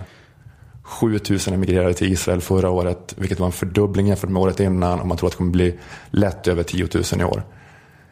Jo, men det hade ju varit rimligt att ta upp så här, den allmänna oron för det här i, i samband med det här attentatet. För liksom bakom de här trakasserierna av judar så, alltså det finns ju också så här gammel europeisk fascist-antisemitism. Alltså ganska mycket i Frankrike, i nationella fronten och så. Men den stora uppgången i judetrakasserier handlar ju mest om islamistisk antisemitism. Och det hade inte så varit supersvårt för dem att göra en svensk vinkel på det här heller. Alltså det liksom har hänt här också att judar har slutat visa sig ute med, med Ja, men speciellt här i Malmö har det väl varit mycket, mycket hatbrott och sådär. Ja, exakt. Det är så här, eh, vad heter det, Simon Wiesenthal-centret eh, har gått ut och varnat judar, alltså judar i världen, från att resa till Malmö. Att det är en av de farliga platserna på grund av antisemitism här. Judiska communityn här har ju minskat från 2000 på 70-talet till några hundra idag. Och det är, så, det är väldigt, eh, det är så konstigt på något sätt att judar flyr från Europa. Att inte reagera på det. Alltså det, är liksom, det är inte möjligt att lära sig mindre av historien än så. Nej, om man inte får en association när man hör det så då, då är det... Sämst på historia. Det så här, om detta må ni berätta. Vad fan var det nu igen? Inget minne av vad det kan Det vara. var något vi skulle minnas och berätta om. Vad var det? Var det, det något om vallonerna? Nej, ja, jag vet, jag också funderat liksom på vad är, vad är förklaringen och liksom vad är problemet? Alltså varför är det så svårt att säga det här eller, eller se det här? Men jag, jag vet inte om det är här, att det är någon liksom för så enkelspårig vänstermaktanalys som gör att det här gärna undviks av den svenska journalistkåren. Mm. Alltså det är väldigt spekulativt det här, men det är ju ändå lite klassiskt vänstern att ha ganska lätt för att ha en blind fläck för antisemitism. För att judar ses som någon så här privilegierad borgerlighet, så deras utsatthet passar inte riktigt in i, i maktanalysen. Att det alltid är underklassen som är mest utsatt och har tolkningsföreträde. Att det allt ska sparkas uppåt. Alltså ju längre ner du är, desto mer vet du om allt automatiskt. Jag vet inte, det är kanske är en banal tanke. Men, jag menar, men, det, ja, men det stämmer ju inte alltid den här maktanalysen. Eh, Om materiellt välstånd var enda måttet på hur tryggt och härligt man har det i samhället skulle det inte vara exodus av just judar från Frankrike. Jag har i och för sig inte sett deras inkomstprofil, men mina antisemitiska fördomar säger att jag tänker att de är lite mer De medelklass. har Jag bara funderar på ifall det här är liksom den enkla vänstermaktanalysen har för mycket inflytande. Att det kan ligga bakom där. Att det finns ju också ett rätt och fel bortom de här strukturerna emellanåt. Att man liksom måste till exempel stampa ner på alla tendenser till politisk islam. För det är fascism. Och det blir ju liksom att pissa neråt på något vis, på någon slags underklass. I de svenska och i de västerländska samhällena. Men det kan ju inte hjälpas. Eller så är det såklart liksom med högerfascism också. Så här, alltså SD-lokalpolitiker som säger så här, fornminnen. Ja.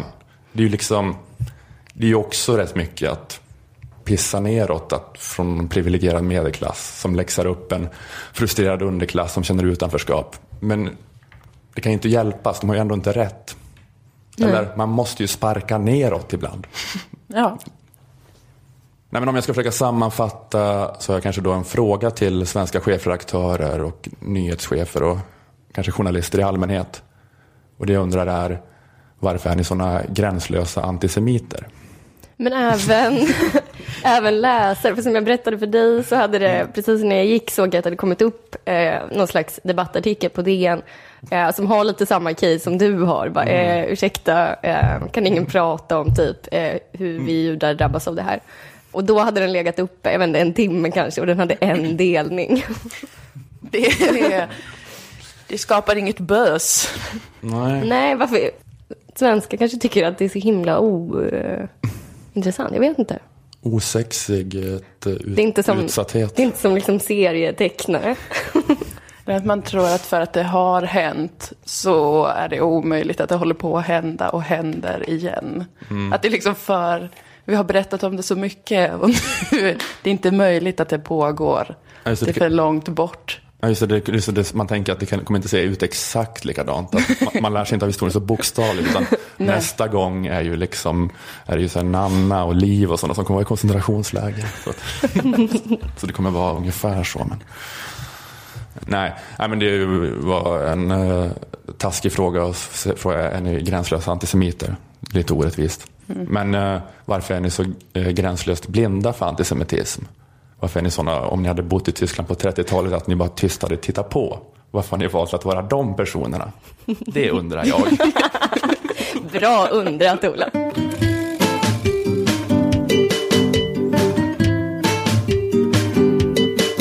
Medieträningen som politiker har, det är ganska mycket så här att man inte tar in frågan som journalisten ställer. Nej, just det. Utan man säger bara det budskap man har bestämt sig för att man vill ha ut. Mm. Alltså oavsett vad journalisten frågar. Man har ett färdigt budskap i ämnet som man kommer säga oavsett hur frågan är formulerad. Stefan Löfven, under nästa mandatperiod ska svensk kärnkraft fortsätta bedrivas som det görs idag? För det första har jag sagt hela tiden, säger igen, sträck ut en hand igen. Vi måste hitta en eh, blocköverskridande överenskommelse. Det här, energin är som med försvaret, den måste ha långsiktiga förutsättningar. Ja, men du, du vet, det, där var, en- det var formulerat som en enkel ja eller nej-fråga Mm. som man inte ville svara på. Och den där harangen hade Löfven då planerat att gå in på när ämnet energipolitik kommer på tal. Så hade han tänkt säga det där. Liksom, han skiter i vad journalisten har sagt innan han börjar prata. Han hade kunnat ta med sig en skiva och spelat upp istället. Ja, eh, men det är just att det handlar lite så om att eh, ta kommandot, tror jag den där typen av medieträning. Alltså inte låta journalisten bestämma riktningen på samtalet, utan försöka göra det själv. Mm. Alltså under Reinfeldts åtta år så inledde han ju varenda svar med orden låt oss konstatera att, eller hur? Att du journalisten trodde att det här skulle bli en stund och du ställde frågor, men det blev så en stund då jag konstaterade saker. Just det. Jag lyfter mig ovanför det här småaktiga tyckandet och moraliserandet och istället bara konstaterar jag himmelska sanningar. Mm. Så här, informerade Maud Olofsson dig om Nuonköpet. Låt oss konstatera att Sveriges ekonomi står stark och så, och så vidare. Liksom. Ja. Okej, det får jag ge Ja. dig. Sån är inte Bakunke. Nej, hon har inte den här grejen, det här då tefloniga, att inget går in. Man kör sin grej, man har sitt budskap, man tar inte in frågan. Alltså det, det är så himla motsatsen till hur Bakunke jobbar. Vad är makt för dig? Makt. Men Hon så tar in det. Hon lyssnar. Smaka på ordet. Ja. Makt. Det Erik Schüldt Smakar säger. hon har sagt eh, här tidigare i intervjun nu att hon på grund av tidsbrist har ätit en energibar istället för en riktig lunch. Mm. Då säger Erik Schüldt. Det låter inte riktigt harmoniskt. Harmoni. Nej. Harmoniskt är det kanske inte. Men ska det vara det? Ska det det? Ja, men det är inte alls att ta kommandot sådär. Alltså, hon underkastar sig ju liksom intervjuaren. Alltså sådär långa pauser i en eh, politikers mening tror jag aldrig jag hört. Nej, Nej. men skylten eh, är inte rädd för de tystnaderna heller. Nej, han skulle aldrig klippa bort det. Nej. Ja, men hon tar de här pauserna hon, för att liksom så här, frågan går rätt in och så här, drabbar henne. Men, alltså, varje tanke han bollar upp är något hon konfronteras med för första gången känns det som. Alltså, Ja, det är men- som att hon blir så här, träffad av blixten varje gång. makt. Vad är makt? Ja, men saken är ju att det får ju samma resultat som andra politiker. Man fick ju inga svar av någon som sitter och filosoferar över harmoni. Vad är harmoni? När är jag harmonisk? När är du harmonisk?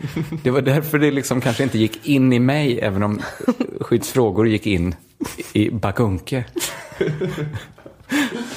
Han så här, satt den ur balans for life, tänker man. Intervjuer måste ställa frågan som vad är makt? Du blir så här uppfuckad. Hon kan inte göra- ta några beslut. Men tycker du att hon är en sån tjej som är så här jättelätt att ragga upp med så här, eh, ett fakta om universum. Eller en diktstrof. Du är alltid en ovanlig tjej du. Ovanlig?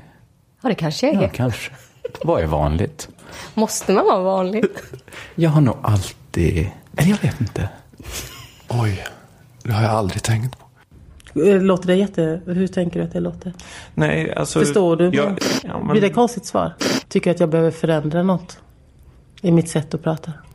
Ja, men hon, Mm. hon, hon, hon är ju också då, det är inte det att ta kommandot, utan hon söker ju bekräftelse. Hon ser ju intervjuaren som en auktoritet. Inte bara som någon så här tönt hon ska trampa över, som kanske Ja, politiker det. brukar göra det är annars. Ju, det är ju sympatiskt på något sätt. Att hon inte liksom sitter på... Man tänker sig att hon inte sitter på en mycket högre stol när hon tar emot Erik Skylt. Nej, verkligen inte. Verkligen inte. Att de sitter på två kuddar på golvet och kokar te från ett Triangia-kök. Mm. Ja, Eller ha, så här, ligger på en soffa med huvudena mot varann. Under en gammal hä- hästfilt från Peru som hon tagit med sig. Tittar på liksom, Erik Skylt hade också med sig en hästfilt så de behövde inte dela. Erik Skylt säger, det där är Karlavagnen. Karlavagnen. ja, det är det kanske.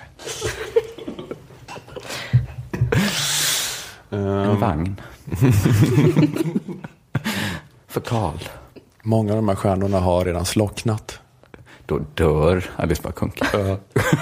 Vi ser bara ljuset har färdats hit, men de har slocknat. Men vi kommer inte se att de har slocknat för om flera miljoner år. Då går hon upp och testar att släcka i taket. här, här syntes det direkt. De är mycket längre bort.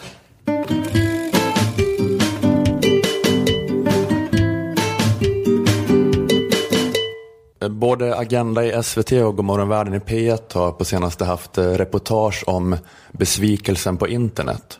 Jag vet inte om ni har sett det eller hört det. Besvikelse för vad? Ja. Att det blev inget av med internets utopiska löfte. Att internet skulle skapa demokratin 2.0. Förverkliga Habermas offentliga rum. Göra så att vi kommer i kontakt med människor och idéer vi inte ens visste fanns. Vidga våra vyer tills de blev jätte, jätte vida. Jag tycker att det blev så, men att ingen ge- uppskattade det när, väl, när vi väl hade det. Nej, så fort vi upptäckte att vi hade det, då förbjöd vi det. Ja. Det skulle inte längre vara som förr. Nej. Det var det som var tanken med internet. Som förr då Kringlan växte upp i Borås utan att någonsin träffa en folkpartist och Jonathan växte upp på Djurgården utan att någonsin träffa en socialdemokrat. Mm. Och, men det, men det, fort, det har fortsatt vara så. Det är till och med värre nu. För förr, även om vi aldrig träffade oliktänkande då heller, så tog vi i alla fall del av samma nyheter. Mm. Det är det, alla satt framför Rapport. Men kidsen idag vet inte vad Rapport är. Ja, jag får det mesta av mina nyheter från Reddit. Men sen är det nog också via sociala medier. Om någon delar en länk så går man in och kollar. Framförallt så söker jag information på Flashback. Tre representativa ungdomar som intervjuades i Agenda. Mm. Ja, men de sitter framför sina eh, privata flöden. Ja, Och det, dem- det gör jag också. Ja, och de här flödena, grejen med dem är att eh, de förvandlas till så kallade åsiktsbubblor. Där folk bara bekräftar varandra. Alltså baserat på din internetaktivitet så sorterar sociala medier inläggen så att eh, sånt som du gillar kommer högst upp i flödet. Eh, Essan Fadakar, Aftonbladets suicidala medier-chef, var med i Agenda och pratade om att han har skapat karaktären Caroline Svensson på Facebook. Och det är då en 19-årig tjej som är trött på invandring. och har en svensk flagga som profilbild. Ja. Och eh, det flödet blir då därefter. Att, sen, att när en sån person nås av nyheten om nioåringen som misshandlades på Malmö central. Mm. Då är det som bara med vinkeln kulturberikare gjorde våldsamt motstånd med huvud mot betonggolvet. Mm. Det oskyldiga betonggolvet. Och bara så kommentarer och delningar om att det var ett litet kriminellt monster som fick vad han förtjänade och borde kastas ut. Så att vi lever så i parallella världar. Och där blir det ju verkligen den här polariseringen. Inte bara att jag, jag tycker inte om din åsikt, utan jag vet inte ens om vad du har för åsikt. Bra eller dåligt? Vad säger vi om det här? Ja, men det, det är just det, att det kan gå så långt att de då i, i Caroline Svenssons flöde eh, inte ens vet om att eh, andra har varit upprörda över vad vakten på Malmö central gjorde. Nej. De tror att det är bara något alla delar som en glad nyhet. Någon gjorde ett bra jobb. bara lite patriotisk pepp. Man tror alltid att ens åsikt är majoritet. Eller, då? eller är den enda åsikten? Men det är inte, så att, att, man bara har åsikter på internet. Någon gång sitter hon vid ett fikarum och upptäcker att någon inte har samma åsikt. Alltså det, det här är ju hårdraget, men att det blir mer och mer så. Sådana Sverigedemokrater, de bara delar och läser bara avpixlat och exponerat och fria tiders artiklar om alla händelser. Att när Marcus Birro hade någon rasistskandal och fick sparken, då, då, då tror jag inte att de skriver så här, Marcus Birro var rasistisk i de artiklarna, utan liksom fria Mar- ordet har Marcus, tystats. ja, Marcus Birro har tystats utav liksom PK-maffian. Just det. Och på så vis är då situationen värre än innan internet. För jag menar, du visste ju ändå att Bengt Westerberg fanns. Just det. Han var med i rapportsändningen som gick i Borås också. Just det. Du kanske hade svårt att höra vad han sa på grund av din pappas svärande. Det tror jag kommer från ett otroligt eh, liberalfientligt hem. Men, ja. Du hade kanske svårt att höra vad han sa på grund av din pappas svärande, men du hade ändå någon slags kontakt med andra sidan. Mm. Alltså Rapport var inte ett sånt åsiktsanpassat flöde. Det var inte så att om man såg Rapport på Djurgården på 1980-talet så fick man bara nyheter som Abbe Bonnier utsedd till Sveriges sexigaste man igen. Nej, men det var väl tvärtom? Berätta något vi inte vet, sa Jonathans familj. Ja, sparka in öppna dörrar. Men eh, det var, väl- det var precis tvärtom. Att Rapport var en liten kommunistbubbla. Och nu har vi äntligen fått, fått tillgång till andra bubblor. Det var ju bara så att jag och min familj satt och grät framför Rapport. Medan eh, Kringlands familj hade en sorts eh, high five-fest varenda gång 1930. Nu är det Palme igen. Men nu, nu får min familj lite high fives. Nu får alla familjer high fives. Ja. Ja men precis, ja, men ni ville gärna ha då en sån, ni hade velat ha en sån Djurgårdsedition av Rapport där man rapporterade om Palmemordet med vinkeln att det var ett rimligt inlägg i debatten om löntagarfonder. En, en klassförrädare mindre. Ja, high fives faller lika på fattiga och rika, sa vi. Så, men, ja, men det var inte så, du fick samma vinkel på den nyheten som, som lilla Kringlan fick Precis. se i Borås. Men, nu, men så är det inte nu i alla fall då, att eh, alla ser samma nyheter. Att nu sitter alla och eh, radikaliseras i sin egen uppfattning och liksom får mindre och mindre förståelse för att det kan finnas andra uppfattningar. Förutom på Flashback väl, där får ju alla röster höras. Det styrs ju inte vad man ser av ens tidigare nätaktivitet. Nej, men det är väl det att folk väljer att gå in på sånt som där deras egna åsikter bekräftas. Det tycker jag är lite konstigt. Inte troll, för de går in precis tvärtom och trollar. Så de borde de som har mest på fötterna. Att de har en mest eh, nyanserad världsbild. Ja, de tror ju inte på den ena delen, men de har ändå man har tagit del av den.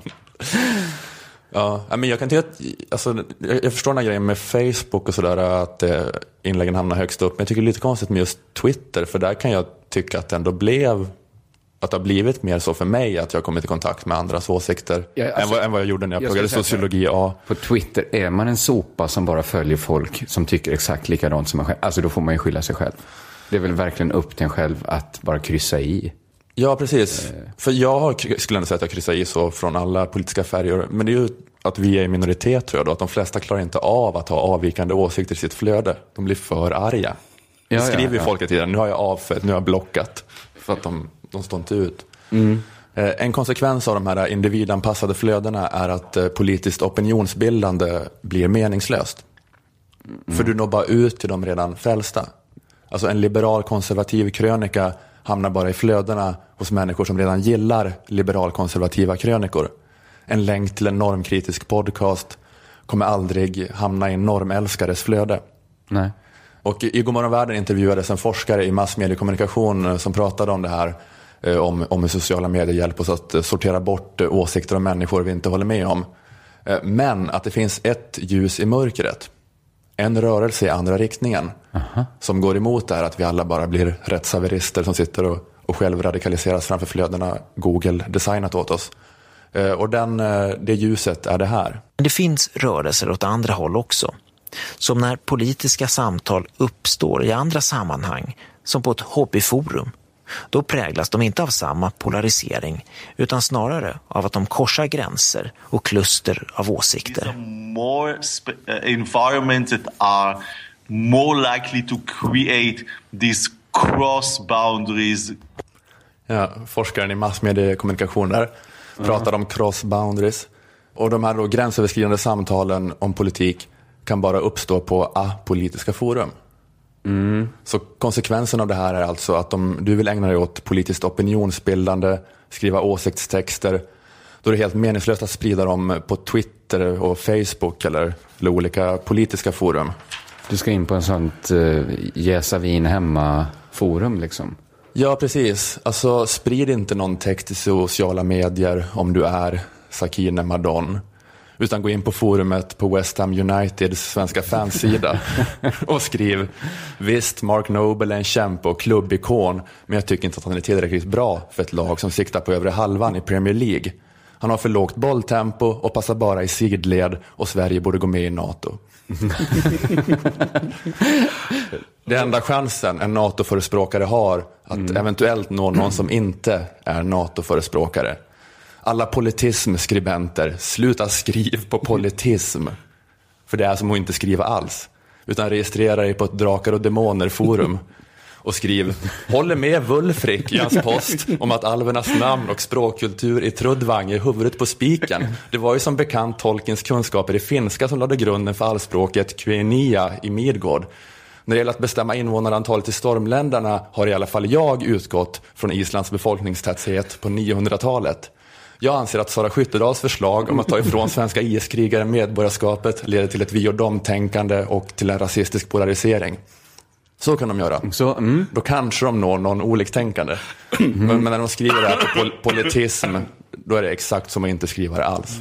Men de kommer säga, jag håller med dig om, jag, jag, jag, jag, jag står inte ut med vad du säger om alverna, men du har en poäng om Skyttedal. För det, även där så finns det ju. Även de forumen kanske är så nischade så man får då... Ja, just det. Men... Så det är alvvänner bara då som hamnar där? Ja, ja precis. Man, man skriver ju bara för folk som tycker likadant om alverna. Ja, men precis. bara för att man tycker något om alver så kan man kanske vara både vänster och höger i- när det gäller skattepolitiken. Absolut. Så då funkar det även åt andra hållet. Om du har en åsikt som du vill nå ut med om alver, då skriver du på politism. Kommer det i en bisats. Ja, precis. Att det, man måste liksom, ja, man måste kämpa för att lura de här liksom, flödena. Och alla Sverigedemokrater på Flashback, det är helt meningslöst att skriva i tråden om Mona Sahlin.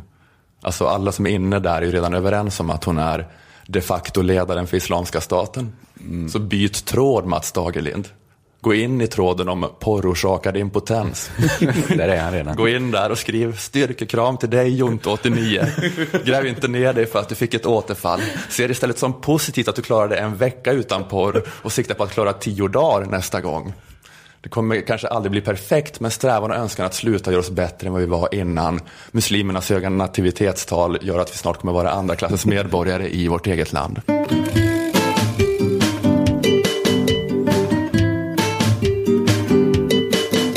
Nu får det verkligen vara nog. Om två veckor kommer en ny superpodd med en av Lilla Drevet-människorna. Nanna, Liv eller K. Vi får se vem det blir.